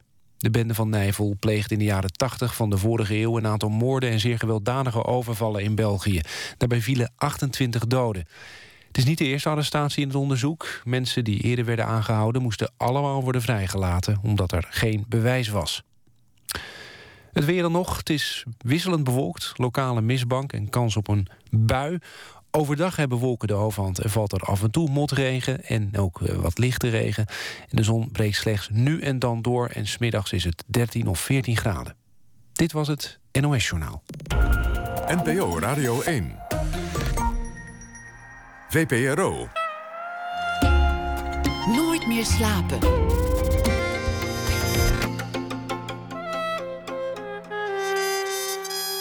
Met Pieter van der Wielen. U luistert naar Nooit meer slapen. We vragen Joris van Kasteren, die schrijver is, elke dag deze week om een verhaal te schrijven eh, over iets dat hem die dag is eh, opgevallen. Van hem eh, verschenen een aantal boeken. Eentje die binnenkort verschijnt heet Het Station. Een bundel met verhalen over mensen op stations. Van reizigers tot machinisten tot passanten. U zou hem ook kunnen kennen van andere boeken. Lelystad, Het Zusje van de Bruid, Het Been in de IJssel. Goedenacht Joris. Hey, goeienacht. Nog één kleine correctie. Dat stationsboek dat gaat echt puur over het Centraal Station eh, in Amsterdam. Oké, niet over andere stations wat daar nee, maar nee, nee, ik rondloopt. ben daar, zeg maar, omdat het gebouw 125 jaar bestaat, eh, daar eh, ja, vanaf juni echt heel, heel, heel vaak geweest. En ja, dat wordt echt heel mooi. Pad geweest met alle mensen die daar werken, met de zwervers. En, dus het is specifiek op het station in Amsterdam gericht. Lijkt me geen genoegen om daar heel veel tijd door te moeten brengen, dat station in Amsterdam. Jawel, het is fantastisch. Het is echt prachtig. Ik ben onder de grond geweest. Je hebt allemaal catacomben daar en op het dak en in die zolders waar je normaal echt nooit zou komen. En dat zijn de En- plekken waar je niet op vergelopen wordt. Nee. nou ja, en die, en die hele heftige tijd van de jaren 80 en 90 met, met eh, de prostitutie en de junks. En dat is allemaal eh, ja, eigenlijk weg, of veel anders in ieder geval. Dus dat, eh, ja, dat is wel veranderd hoor. Waar gaat je verhaal over vandaag? Mijn verhaal is een beetje, eh, ik wou zeggen, anti-geopolitiek. Het gaat over Koelwacht. En dat is een dorpje in uh, Zeeuws-Vlaanderen. Zal ik het gewoon maar voorlezen? Ja, dat is goed. Daar komt hij. Koelwacht. Nooit eerder was er in Koelwacht, een grensdorp in Zeeuws-Vlaanderen... waar de nieuwe Karnemelkstraat bestaat, ook maar iets aan de hand. Het leven verliep er zo traag en voorspelbaar dat bewoners haast vergaten dat ze bestonden. Goed, er was een zwembad, een katholieke kerk en zelfs een glasmuseum. Maar daarmee hield het ongeveer echt wel op. Nooit kwam het dorp in opspraak, nooit viel er eens iets schunnigs te beleven. Tot het begon, zo'n drie jaar geleden. Verschillende dorpsbewoners, voornamelijk vrouwen, anonieme brieven toegestuurd. Met daarin op keurig gelinieerd A5-papier en in een onberispelijk handschrift de afschuwelijkste verwensingen, veelal betrekking hebbend op hun uiterlijk. De een had een rotkop, de ander een afschuwelijke, veel te dikke kont. Wat een armoede zeg, tierde de anonieme scribent. Jonge, jonge, jonge. Van elkaar wisten de vrouwen niet dat ze de brieven ontvingen. Ze leefden in de kwellende veronderstelling dat alleen zij in deze nachtmerrie gevangen zaten. Wat hen griefde en steeds onzekerder maken. Het tanken bij de Total, het bezoek aan tennisclub De Eikenhof, niets was meer hetzelfde. Afgelopen voorjaar kon een jonge moeder er niet langer tegen. In aan haar gerichte brieven las ze onder meer dat haar baby hopelijk niet net zo'n rotkop zou krijgen als zij. Ze stapte op een agent in het dorp af en maakte de kwestie aanhangig. Kort daarop verscheen in de nieuwsbrief van basisschool De Klapwiek een ongewoon bericht. Of iedereen die kwetsende brieven had ontvangen zich met brieven en al wilde melden. Vijftien mensen deden dat. De politie schakelde een handschriftdeskundige in. Vorige week werd de dader ontmaskerd, maar niet gearresteerd. Want zo pakken ze in Koelwacht de zaken niet aan. In plaats daarvan werden de slachtoffers, werd de slachtoffers verzocht om naar het dorpsrestaurant Het Hoekske te komen. Waar ze aan een lange tafel plaats moesten nemen. Toen ging er een deur open en kwam de 51-jarige Christel binnen. Daar staat ze dan, schreef een journalist die zich tussen de slachtoffers naar binnen had weten te manoeuvreren gisteren in de krant. Rustig, zelfverzekerd, alsof ze pak een beet een workshop bloemschikken geeft. De slachtoffers konden er met hun verstand niet bij. Is, het zij, is zij het echt, deze vriendelijke tot in de puntjes verzorgde dame... geboren en getogen in dit piepkleine dorp... die elke avond rond zes uur haar hondje uitlaat... naar buurtbewoners zwaait... die een man met een nette baan heeft, een dochter en een kleinkind... Ik ben blij dat jullie allemaal aanwezig zijn, zou Christel volgens de verslaggever hebben gezegd. Daarna maakte ze excuses. Ze zou kleine ergernissen, zoals ze het zelf noemde, van zich af hebben willen schrijven. De slachtoffers knipten begripvol. Het was in orde zo. Geen van hen wenste aangifte te doen, waarop de politie besloot de zaak te laten rusten. Dat was dat, moeten de koelwachtenaren hebben gedacht. Laat nu opnieuw en voorgoed de rust wederkeren.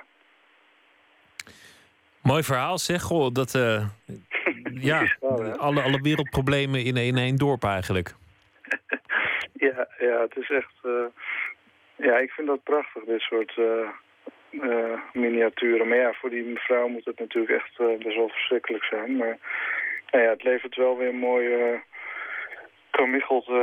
uh, anekdote eigenlijk op. Hoe kwam dat verhaal op jouw pad? Waar haalde jij dat vandaan?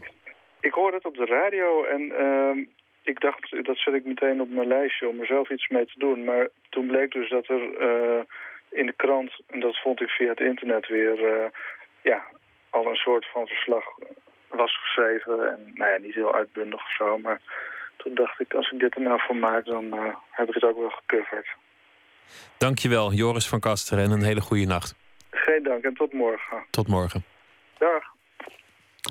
Ben Howard gaan we naar luisteren. Eergisteren verscheen een nieuw album van deze Britse zanger... die eh, een paar jaar geleden eh, enorm succes had met het nummer Keep Your Head Up. Het tweede album heet Forget Where We Were... en het liedje heet She Treats Me Well.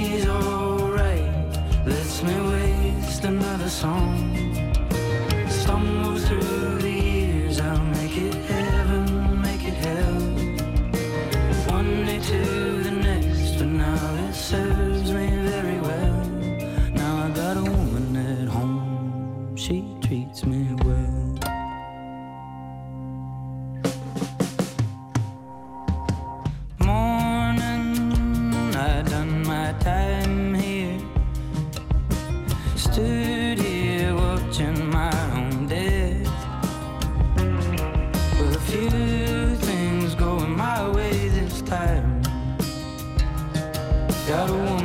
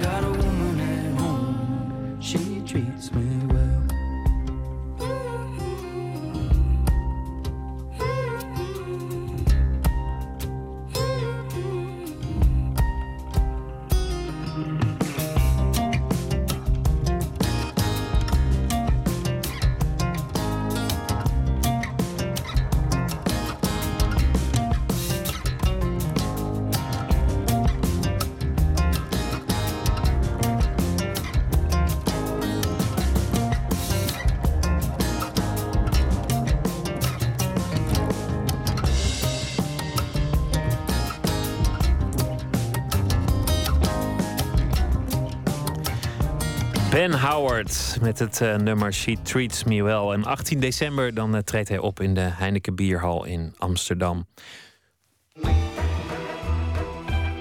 Nooit meer slapen. Sonny Rollins is de grootste levende jazz-saxofonist eh, op planeet Aarde. Bijna tien jaar geleden vatte documentairemaker Olaf van Pasen het ambitieuze plan op om een documentaire over deze legende te maken.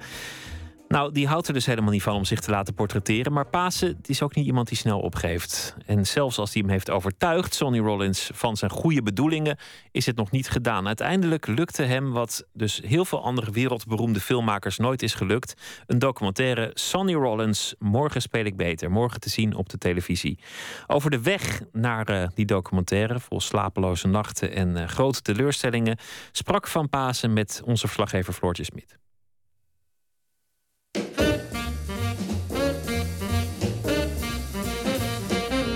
In de beginjaren kreeg ik een mailtje van diegene die, eh, die zijn website bouwt enzovoort. Hij zei van, vergeet het maar, meneer Rollins leidt een enorm teruggetrokken bestaan. Spike Lee, Martin Scorsese en Clint Eastwood hebben het geprobeerd... en die hebben alle bot gevangen. Ehm, ik zou het maar uit je hoofd zetten. Maar als je dat opschrijft, dan denk ik van oké... dan ben ik wel eens benieuwd waarom die heren eh te beneer hebben gelegd. En nu weet ik ook waarom ze zich te beneer hebben gelegd.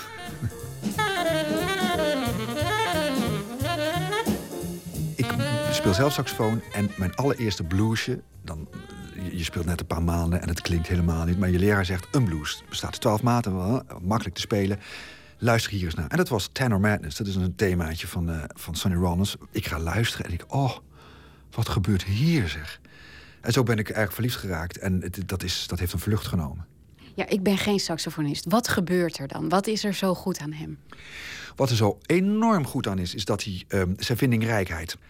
En hij neemt je mee naar, naar werelden, naar uithoeken van de muziek. eh, die, die, die, die nog niemand heeft gehoord. Of waar je als saxofonist ook denkt: van hoe bestaat het dat hij dat uit zijn saxofoon tovert? Ik bedoel, nou, nou vertel ik het een beetje aan de, uit de kant, van de kant van de saxofonist.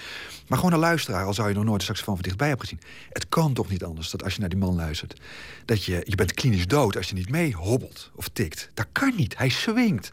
En hij is inventief. En hij, hij, hij maakt je aan het lachen, want hij heeft humor in zijn, in zijn spel. En als je dat allemaal bedenkt, dat hij dat op het moment eruit tovert. En soms duurt het wel 20 minuten lang, want dan is je aan het zoeken. En dan ben je 20 minuten lang in, in- naar een solo aan het luisteren. En dan in één keer dan een knock-out of een linkse... een- uit een onverwachte hoek word je van je stoel getetterd.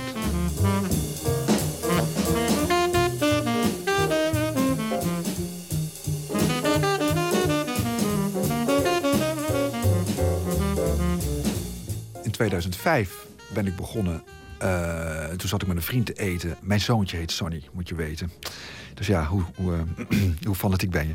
Ehm, eh, en ik zat met een vriend te eten en eh, nou, ik maak tv-programma's. En hij zei van, god joh, eh, dat, ja, dat zal allemaal wel. Maar waarom maak je niet een film over Sonny Rollins? En ik dacht, nou ja, hoe voor de hand ligt dit? Je, bent, ik, ben gek dat ik daar nooit zelf aan heb gedacht. Nou, nou ja, dus dat is in 2005 ehm, begonnen. Toen ben ik eens de, de telefoon gaan pakken, een management proberen op te zoeken. Nou, kansloos alles. En in 2006, omdat ik weet dat die, laat ik zeggen, de, de conventionele weg eh, dood liep, al heel snel. 2006 dacht ik, dit moet anders. Ik moet hem zelf spreken en ik moet hem overtuigen van mijn enthousiasme en mijn snode plannen. En toen ben ik eh, als een klein kind eh, met een boekje, want ik denk ik moet de aandacht trekken, met een fotoboek waarin hij zelf staat, ehm, heb ik hem opgewacht bij het concertgebouw, daar waar hij die, die avond een concert zou geven. En ik heb gewoon bij het artiestingang. Nou, het voordeel is dat hij niet snel loopt vanwege zo'n kapot heupen. Dus ik kon hem makkelijk bijhouden. En in die 20 meter die hij moest afleggen van, van auto naar, naar, naar ingang, heb ik hem staande weten te houden, min of meer. En hem dat boek in de handen kunnen duwen en hem het eerste contact kunnen leggen. En in dat boek zat het, zat de, het verzoek van: wilt u een film met mij maken? Dat moment is ook te zien in de documentaire. Hij negeert je compleet. Eh, en hij negeerde me compleet. En ik had het geluk. Toen heb ik me vastgeklampt eh, op dat moment. eh, die, die, ik, die ik toen nog niet kende. Aan de tourmanager. En die zei van. Ik heb een boek van meneer. Hij kan me nog. Ik, meneer Rollens mag toch wel even dit aannemen. En die is in, in, de, in, in het halletje van het, van het concertgebouw. even nog naar Rollens gaan. En zegt: God, die jongen. Die heeft nou een cadeautje. En, eh, en dan keert zich om. En, oh, oh, ja, en dan heel. heel oh, thank you, thank you, thank you. En ik heb hem de hand geschud, dat weet ik nog. Dat staat op video. En, eh, en de man verdwijnt voor zijn concert. En ehm, toen dacht ik van, ja, als, het, als dit, dit de, de start is... dan heb ik nog een lange weg te gaan. You want to do a documentary film, is that right? I'm actually waiting for him to call me back, but I'll talk to him about it again. All of our operators are still busy. Please stay on the line and your call. And he's currently out of the office today, but he'll be back in on Monday. Maar Olaf van Pasen bereikt wel degelijk iets. Rollins kent hem nu. Hij kan backstage bij concerten, hij krijgt zijn telefoonnummer en ze krijgen contact. We praten op een gegeven moment niet meer over de film... maar we praten over jazzmuziek. Nou, en dat, dat zijn de gelukkigste momenten uit mijn leven. Dat kan ik je vertellen. Hij vertelt, weet je, eh, bij Miles Davis... weet je wie, wie zijn favoriete drummer was eigenlijk, Miles? Moet je je voorstellen dat ik met Sonny Rollins praat... over de favoriete drummer van Miles Davis. En hij zei, eh, wacht eens even, wat ben jij nou met je saxofoon aan doen? Ik zeg, nou, ik ben een beetje met die etudes en, en weer... en nou, het gaat allemaal niet zo goed en dan strijd met mijn rietjes en zo. Hij zei, weet je wat je moet doen? Hij zei, ba ba bam, boe boe bee. En hij speelt gewoon dingen voor mij voor... aan de andere kant van de wereld. En, nou, dan, dan smelt ik. Dan, dat, dat zijn eigenlijk... Toen dacht ik eigenlijk, als die film er niet komt, jammer dan. Ik heb een vriend voor, van onschatbare waarde. Hello? Hallo, dit is Olaf speaking. Hello, Olaf, how are you? I'm fine, thank you. Do I disturb you at the moment? Well, you never disturb me, Olaf. Oh, well, that's good to hear. I wonder if we could meet today and uh, have a chat about the film. En dan gebeurt er iets onverwachts. Sonny Rollins zegt toch ja tegen de documentaire. Van Pasen mag hem volgen tijdens een nieuwe concertenreeks. Ik had nou alles geregeld. En we zou, nou, eh, dit wordt fantastisch. Ik zou mee in de tourbus kunnen. En eh, we hadden alles, dacht ik, doorgesproken. En een week van tevoren werd ik gebeld. En daarna kon ik hem zelf bellen. Hij zei, Olaf, ik heb een grote fout gemaakt. Het kan niet doorgaan. Ik zeg, maar volgende week zou, zien we elkaar. Hij zei, ja, volgende week zien we elkaar, maar zonder camera.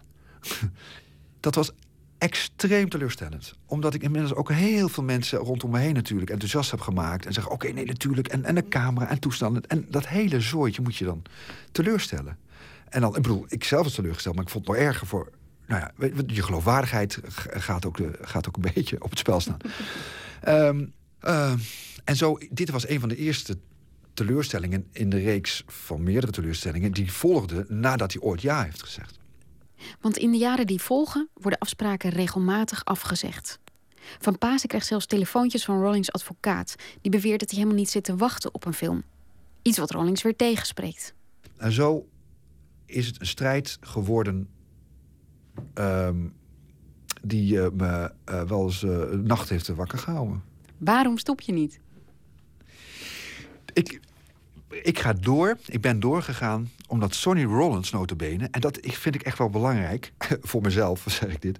om mezelf nog in de spiegel te kijken. altijd een opening heeft gelaten. Ik heb zo vaak tegen Sonny gezegd: Sonny, laten we stoppen. Nee, nee, we stoppen helemaal niet, joh. De, tijd komt wel. Ik zeg tegen die tourmanager, ik zeg... volgens mij durft Sonny helemaal geen nee tegen mij te zeggen. Daar is hij gewoon te aardig en te beleefd voor. Eh, dus die tourmanager ook zei, nee, nee, nee, nee, dat is het niet. De tijd moet er, moet er rijp voor zijn. En ik heb me wel eens afgevraagd, ben ik niet te maniacaal bezig? Simpelweg, het is begonnen als uit, uit bewondering... en gaandeweg heb ik, begrijp ik dat muziek op nummer 1 staat. En als hij dan dus op een of andere manier zou worden afgeleid door mijn ehm, wensen, eh, mijn verzoek, leid ik hem dan inderdaad niet af van daarom waar, daar waar ik hem om zo om, om bewonder, namelijk muziek maken. Dus moet ik niet helemaal stoppen. Als ik echt van hem hou, als het ware, dan moet ik eigenlijk kappen met, met deze hele missie. Met deze zendingsdrang eigenlijk, waar het, waar het op ging lijken. Kijk, in het hele proces wordt teleurstelling op teleurstelling gestapeld. Heb je nooit gedacht, ik heb ook echt gewoon genoeg van die vent? Ik heb nooit gedacht, ik heb genoeg van die vent. Omdat hij daar te... Daar bewonder ik hem te veel voor. Daar zit te veel, laat ik zeggen, liefde in. En op een gegeven moment, ik realiseer hem altijd... Oh, hoor eens, hij is een muzikant op de eerste plaats. En hij maakt fantastische muziek. Dat is de reden waarom ik, waar, waar- waarom ik hem op het spoor ben gekomen. Dat hij allerlei andere dingen ja, nukken en, en, en, en, en grillig en, en, en eigenwijs en zijn eigen pad volgt. eh, dat ik daar ben achtergekomen, dan kan ik ook zeggen van ja, dat heeft hem ook zo, zo briljant gemaakt in zijn muzikale carrière.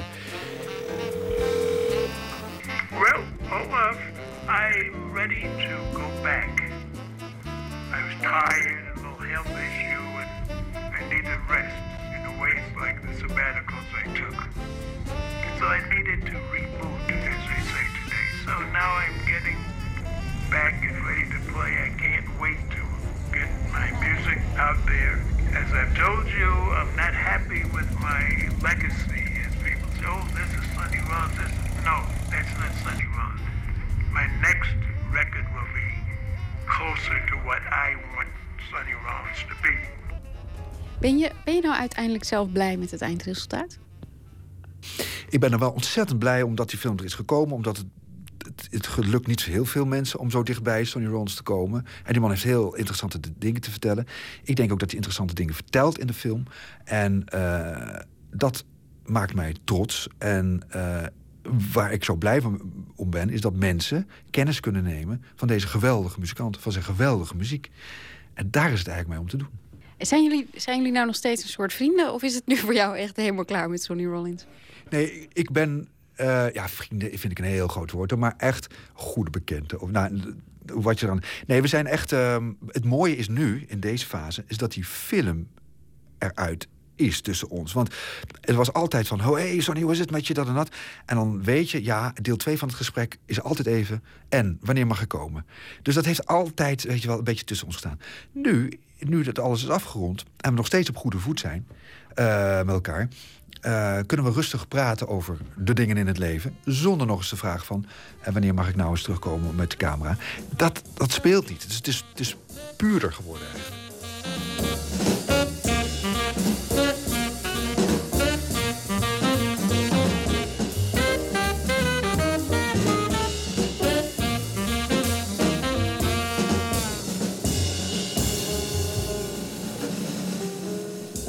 Jazzlegende Sonny Rollins. De documentaire Sonny Rollins. Morgen speel ik beter is morgenavond te zien op NPO 2 om 11 uur 's avonds. Floortje Smit in gesprek met Olaf van Pasen hoorde u.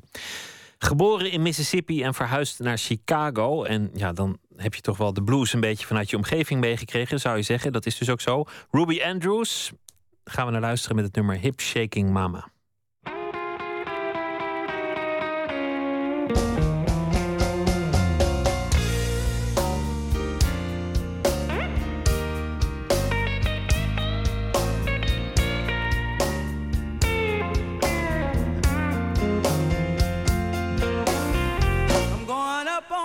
Mountain. Face the rising sun.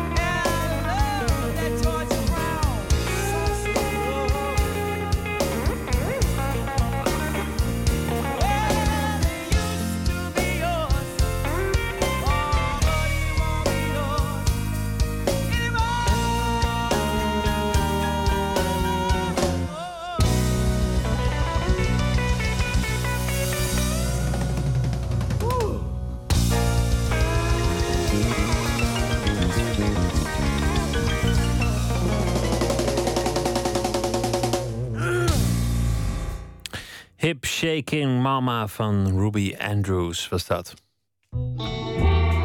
Nooit meer slapen.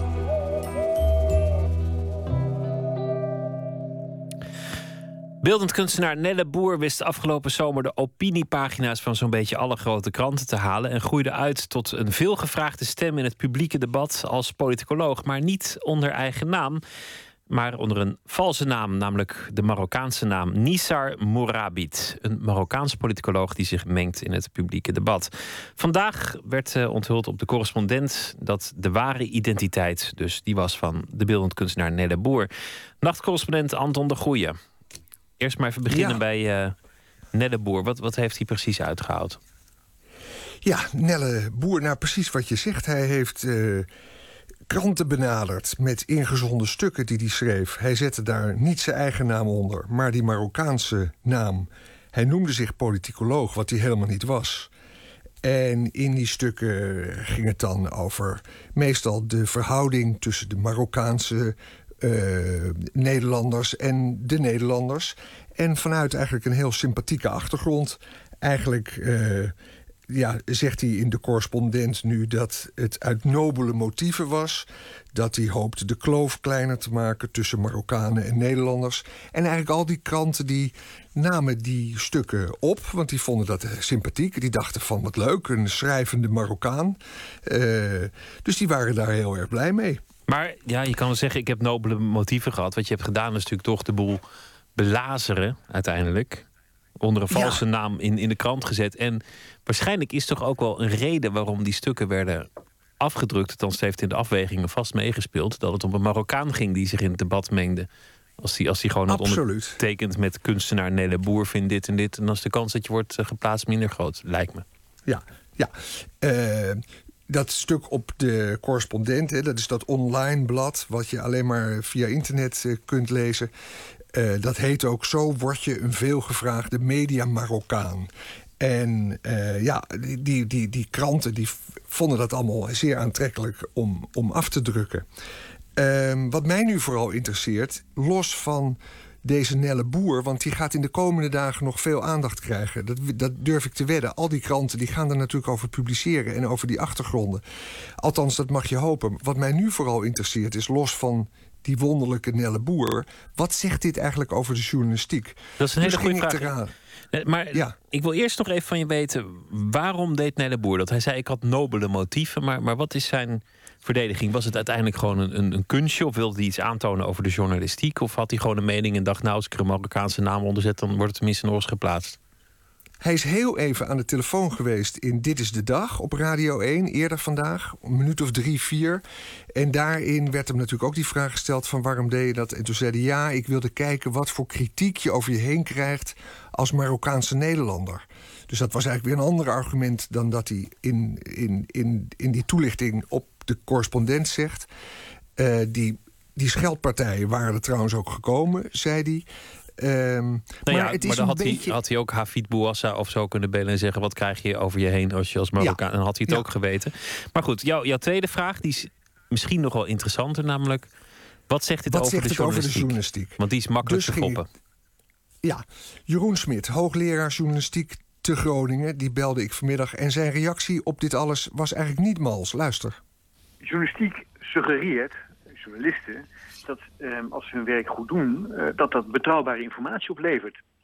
En in dit geval kregen ze iets aangereikt. En kennelijk onder druk van snel, we moeten snel iets hebben, blij met een ander geluid vanuit die gemeenschap. Hebben ze niet de moeite genomen om te checken wie dat dan is, waar dat vandaan komt, wat voor persoon dat is. En dat vind ik eh, zeer verontrustend, zeer verontrustend. Want hoe ingewikkeld kan het nou eigenlijk zijn? Nazir Mourabit uit Emmeloord. Nou ja, je gaat even naar de telefoongids en daar blijkt geen enkele Mourabit in Emmeloord te wonen. Om maar, hè, hoe ingewikkeld kan het zijn om eventjes die moeite te doen? En wat mij dan stoort, is dat eh, met name ook eh, kranten als Trouw en Parool... toch kranten die een paar honderd euro per jaar vragen van hun lezers. Vanuit de suggestie van wij bieden kwaliteit en betrouwbaarheid... dat die die stukken gewoon plaatsen zonder te checken wie die persoon is. Je moet, eh, je moet je lezers eh, zaken bieden waar die lezer zich op moet kunnen verlaten. Eh, volger, eh, luisteraar, kijker. Je moet zich kunnen verlaten op, dat, op die journalistieke arbeid. Daarom abonneer je je op dat werk van die journalist. Daarom, daar betaal je voor. Om, eh, om informatie te krijgen waarop je ehm, eh, keuzes moet kunnen maken. En eh, als, als die journalisten dat niet doen, als die niet checken waar die informatie vandaan komt, nou ja, dan. eh, Kijk, voor mij is de reden om dan nooit meer naar zo'n bron te gaan. Nou klaar, dan hoef ik daar dus niet meer naartoe. Laat staan dat ik ervoor ga betalen. Ja, vele kritiek van Jeroen Smit. Hij noemt het telefoonboek. Ik zou zeggen eh, Google. is ook een heel goed hulpmiddel. En als je echt geen één hit vindt op naam van een politicoloog... dan moet je misschien gaan, gaan twijfelen. Maar eigenlijk is het in die zin ook niet zo heel nieuws. Want er is toch elk jaar of, of meerdere keren per jaar... wel weer een incident waarbij een belangrijk medium zich lekker heeft laten foppen. Ja, en eh, Jeroen Smit noemde nu Trouw en het Parool. Maar volgens mij had hij dus ook NRC en Volkskrant kunnen noemen. En sterker, wat Jeroen Smit niet wist, is dat deze Nelle Boer al eerder de boel bij elkaar heeft gefantaseerd. En toen bijvoorbeeld de VPRO Radio heeft beetgehad. In het programma De Avonden bood hij een interview aan met een galeriehouder, vorig jaar, een Ron Jagers. Die kwam vertellen over een nazi-kunstenaar die naaktportretten van Eva Braun zou hebben gemaakt. Pas later bleek dat dat fake was. Luister naar een fragment uit een radio-uitzending van vorig jaar, waarin Botte Jellema overigens goed doorvroeg aan die galeriehouder waar die schilderijen dan plotseling vandaan zouden zijn gekomen. We klimt daar ergens in Berlijn een trap naar boven, het zoldertje. En er staan, wat, wat treft u daar aan?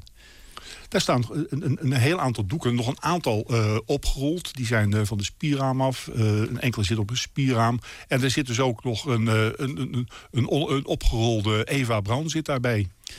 En hoe wist u dat dat Eva Braun was? Dat zei, dat zei Dat de neef Otto. Dat zei dat? Otto. Want is het als zodanig te herkennen of wat voor soort schilderijen zijn het eigenlijk? Nou, het is, eh, het is duidelijk eh, te zien dat, dat hier eh, een, korte beschrijving... je ziet een, eh, een naakte Eva Braun op een stoel zitten... eh, met op de achtergrond een portret van eh, Hitler... eh, met een grote wolfshond voor de voeten. Dus dat, dat is eh, zo'n beetje de, de opstelling die daar eh, op aan te treffen is. Ja, je, je hoort al een beetje dat hij, dat hij aan het liegen is. Dat hij ter plekke bedenkt wat hij, wat hij zegt. Maar dat hoor je alleen omdat je het nu weet. ja, en niet alleen de VPRO Radio stapte erin, maar ook KRO. Sven Kokkelman, niemand minder dan hij, op Radio 1 voerde een gesprek met correspondent Rob Savelberg over deze kunstwerken die later bleken totaal nep te zijn. Klein fragmentje Sven Kokkelman. Er zitten ook een aantal karikaturen bij, waarbij je dus ook ziet dat eh, ja, Hitler min of meer een beetje belachelijk wordt gemaakt. En daarop stond natuurlijk eh, niets meer eh, dan de kogel. Juist. Ik heb ze eh, kort gezien, althans een aantal van die eh prinsen zijn, wat ik zeg, eh, ta- tamelijk pornografisch. Eh, maar dat is dan kennelijk het- de, de, de, karikatuur van die tijd, of vergis ik me? Een eh, strenge Sven Kokkelman. Eh, Anton, dit, dit gebeurt heel vaak. Hè. Er is ook een keer totale dagboeken van Hitler aangeboden. Een keer eh, film, films waar Vincent van Gogh schilderend op te zien zou zijn. Dat heeft nog het, eh, bij de NOS gehaald. Er, er worden wel eens mensen doodverklaard die niet dood zijn. Dichters worden fictieve prijzen toegedicht met, met eh, grappige Latijnse namen als de Ad Fundum Award. Eh, Het gebeurt gewoon heel vaak. Ja, maar voor de journalistiek is dit toch een waarschuwing. Luister naar wat Jeroen Smit tenslotte zei toen ik hem vroeg wat hij eigenlijk van de actie van deze kunstenaar vond. Ja, dat is- kijk, dat is een kunstenaar die dit, die dit eh, op deze manier laat zien. Eh, en dat is ehm, eh, dienstbaar bijna, zou ik zeggen. Want nu wordt dit... eh, eh, ik hoop ook dat hier een discussie uitkomt... en dat op die redacties eh, ook, ook naar aanleiding van deze actie... een, een, een, discussie plaatsvindt van... jeetje, nu moeten we... Dit, dit laten we niet nog een keer gebeuren. Dit moeten we zien te voorkomen. Dus je zou kunnen zeggen dat die kunstenaar iets blootlegt... Hij doet bijna journalistiek werk. Hij brengt iets vanuit het donker naar het licht. Ehm, en in het donker zit dus kennelijk die hele makkelijke reflex op allerlei redacties om zomaar iets te plaatsen. Hij laat zien dat dat gebeurt. En hij toont zijn publiek dus van pas op, geloof niet alles wat je in die media tegenkomt. En dat brengt eh, voor ons de plicht met zich mee om daar goed over eh, na te gaan denken en daarmee aan de slag te gaan. Al dus eh, de hoogleraar journalistiek Jeroen Smit.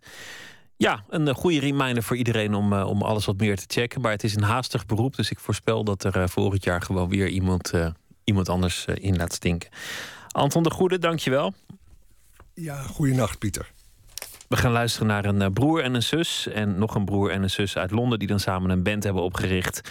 The Magic Numbers. En dat is een eh, groep die vanwege die familieverbanden heel goed nauw kan samenzingen.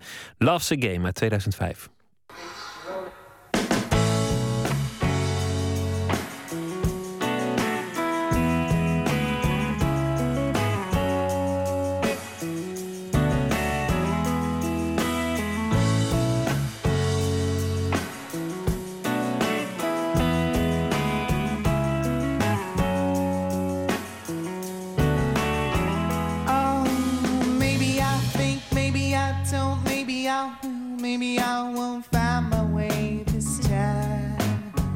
I hear you calling me soon. One of these days, somebody stays and somebody pays. It happens all the time. I'll be living, believing you wanted me to. And maybe I'm a fool for walking in line.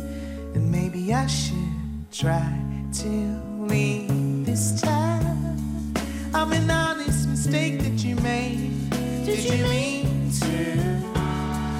Did you mean?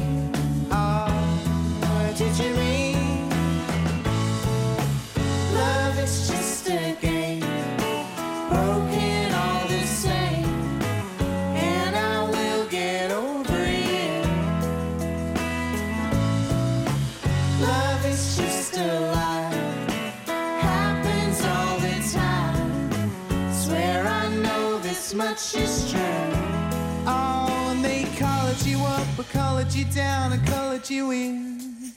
And I've been waiting so long to take you home.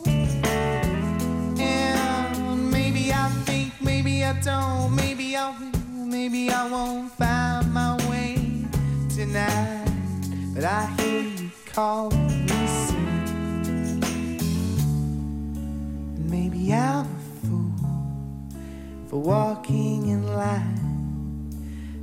Maybe I should try to leave this time.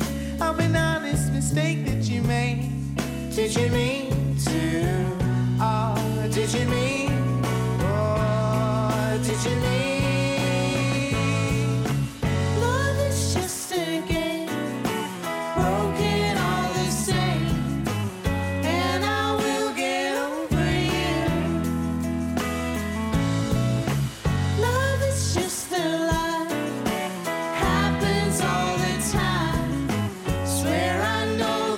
such a.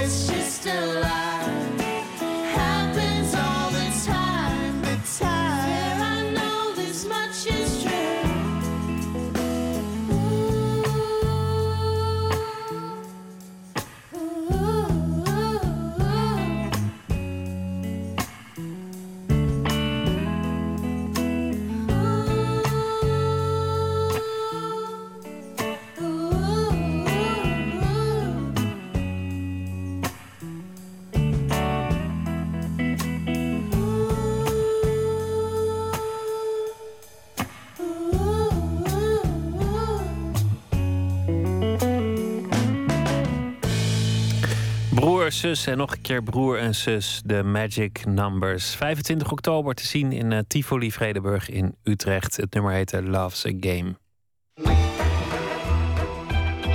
Nooit meer slapen. Ja, je kunt wel naar een datingsite gaan, maar je kunt ook gewoon Marktplaats gebruiken om aan de man te komen. Niet door te zoeken op zoekterm man, maar gewoon te zoeken op tafel of stoel. En dan heb je vast een inkijkje in iemands interieur. En toch heel intiem iets. Zo gaat eh, Anna te werk, de heldin uit de nieuwe roman van Carlijn Vis. Het Marktplaatsmeisje. Matthijs Deen ging bij haar langs, niet eens bij haar thuis, maar ergens op neutraal terrein. En we laten iedereen maar gewoon binnen. Je zet je staallamp van 10 euro op de site... en een dag later staat er gewoon een wildvreemde bij jou in de woonkamer. Ik ben altijd wel benieuwd wie, eh, wie erop afkomt... en wie er komt kijken en hoe dat dan gaat. Maar wat ik zelf wel interessant vind... is dat als je bij iemand thuis komt... kan je natuurlijk wel een hoop van iemand zien.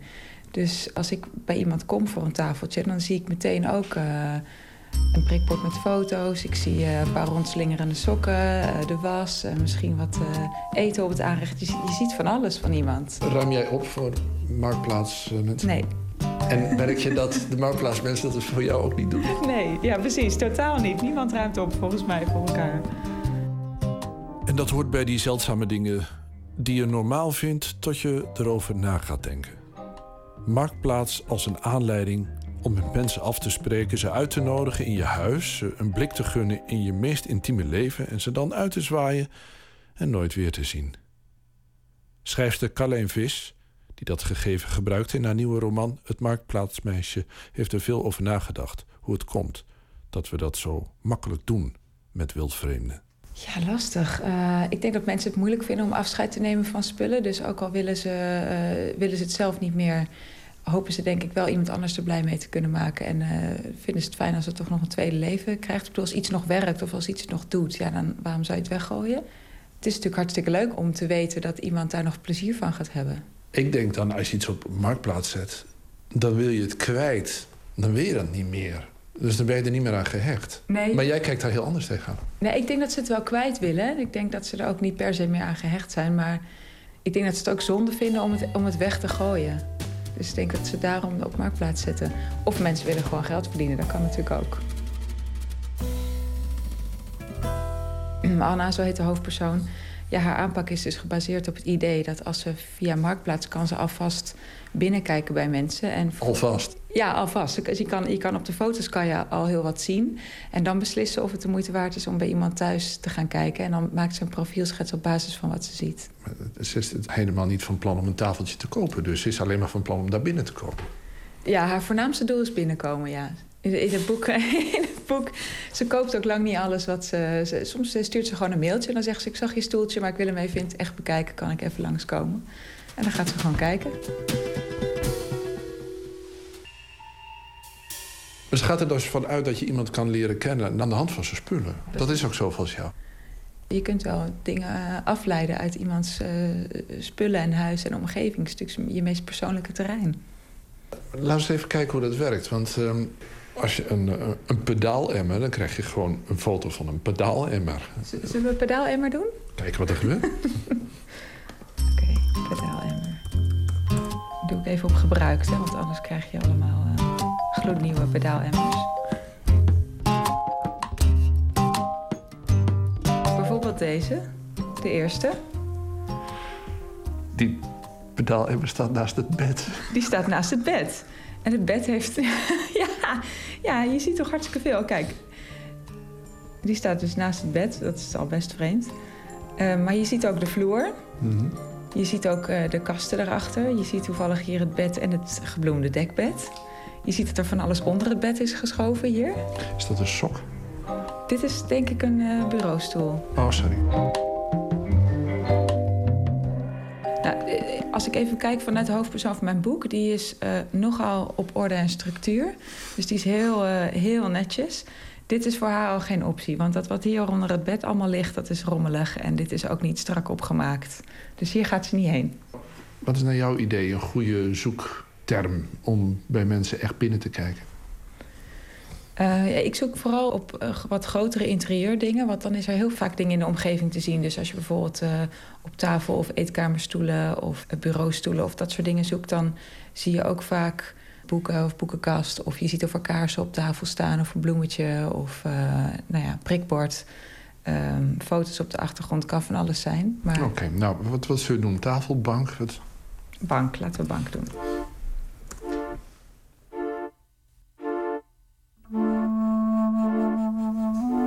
Ja, nou, deze bijvoorbeeld, smal bankje.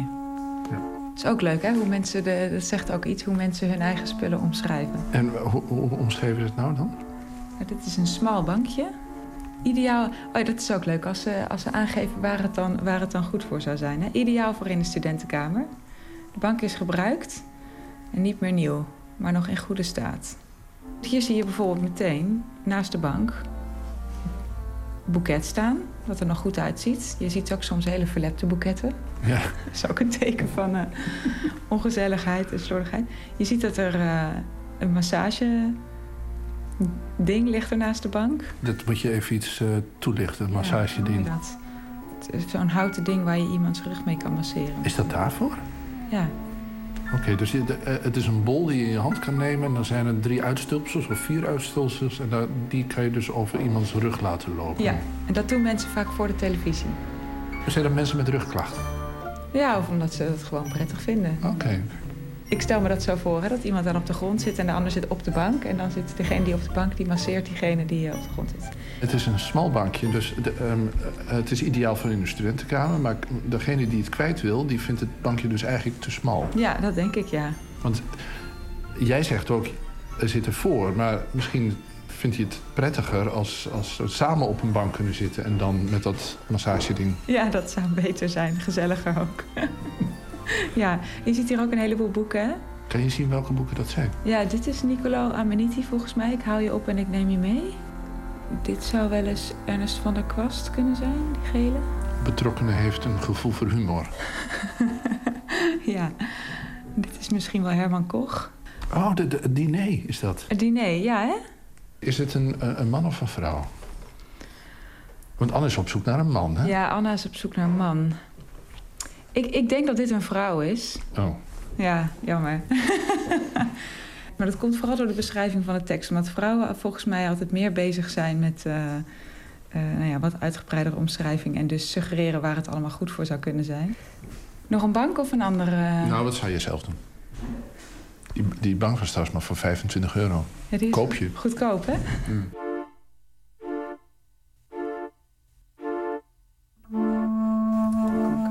Oh, boekenkast, ja. Oh, die zijn leeggehaald. Die zijn allemaal leeg, dat is jammer. Hier is een volle. is- Heel slordig ingedeeld, hè? Ja. Deze boekenkast heeft eh, vijf planken, ligt helemaal vol met boeken. Maar allemaal eh, horizontaal en verticaal eh, op elkaar gestapeld. Kijk, we kunnen hier wel... Nou, ja, kijk. De, Go- de Allende. Gomorra. Ik Jan Kramer. Nee, ja, Isabel Allende inderdaad. Josie Lloyd. Nee, dit is een man en een vrouw. Dit is de mannenplank en dit is de vrouwenplank. Ja, ik geloof het ook, ja. Ja, hè? Ja. En kijk, de man is dus heel netjes, want die heeft het heel strak. Die heeft het zelfs van groot naar klein bijna gedaan. En eh, de vrouw, die, eh, die heeft er echt een potje van gemaakt in dit huishouden.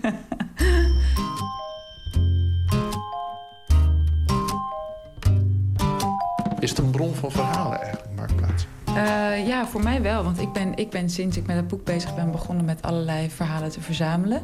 Maar hoe doe je dat dan? Ja, eerst in mijn omgeving. Dat is begonnen met een vriendinnetje die mij vertelde dat ze een paar oude pumps op marktplaats had gezet. En die kreeg toen een eh, bericht van een man die vroeg of ze ergens zweetvoeten had en of ze die pumps dan nog een keer aan wilde trekken. En ze dan op, zonder sokken en ze dan op de post wilde doen. En dat vond ik zo'n eh, bijzonder verhaal dat ik dacht, kijk, volgens mij eh, gebeurt er van alles op, eh, op marktplaats. En sindsdien ben ik dus begonnen met, met verhalen verzamelen. En ja, Anna probeert dus de liefde te vinden. En eh, naar aanleiding daarvan ben ik ook gaan kijken of, dat, of er mensen zijn die dat echt gelukt is. En ik heb er nu wel een paar, eh, paar gevonden. Echt waar? Ja. En hoe ben je die op het spoor gekomen? Ja, via via. Mensen weten op een gegeven moment dat je daarmee bezig bent. En eh, ik, heb, ik heb één meisje gesproken vorige week. Eh, maar die had niet zo'n aanpak zoals, zoals dat de hoofdpersoon in mijn boek dat doet. Maar dat is gewoon bij gewoon toeval. Ze had haar eetkamerstoelen op, op eh, marktplaats gezet. Eh, zes stoelen. En die kwam, een jongen die kwam ze ophalen. En zij deed de deur open en ze dacht... goh, dat is best wel een leuke vent eigenlijk. En ze had zes stoelen voor 40 euro erop gezet. Dus ze had helemaal niet verwacht dat daar een heel leuk type op af zou komen... op de een of andere manier. Ze heeft hem geholpen om de stoelen naar eh, zijn auto te brengen. En hij stuurt haar s'avonds een berichtje met... eh, als je toch erg gehecht bent aan je stoelen... mag je er nog wel een keertje op komen zitten. en toen eh, zijn ze een drankje gaan drinken. En dit is ongeveer 2,5 jaar geleden. En nu hebben ze vorige week een huis gekocht. Wonen ze samen. Zij heeft die vent erbij en die, en die stoelen er ook weer bij. Terwijl Oh, die stoelen zijn er nog steeds. Terwijl zij er vanaf wilde, want zij vond die stoelen spuuglelijk. Carlijn Vis over eh, Marktplaats... naar aanleiding van haar nieuwe roman Het Marktplaatsmeisje... uitgegeven bij Atlas Contact. We gaan luisteren naar Sunny Night en de Lakers. Sunny's Boogaloo.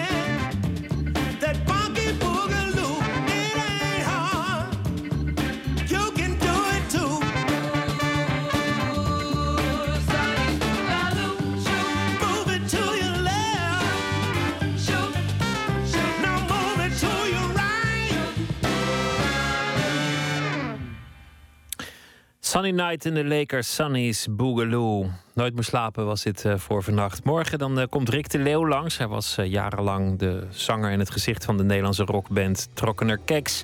Daarna heeft hij van alles gedaan. Hij heeft dichtbundels en romans geschreven. Hij speelde toneel, had een eigen talkshow op de Belgische televisie. En muziek blijven maken. En hij maakt ook een voorstelling waar hij over komt praten morgen.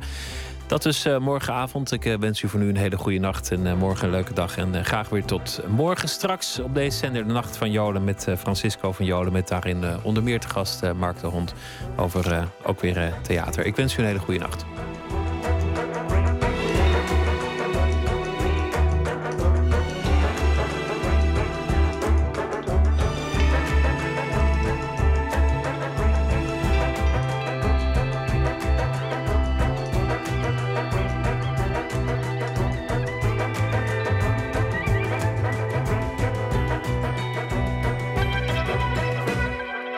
Radio 1, het nieuws van alle kanten.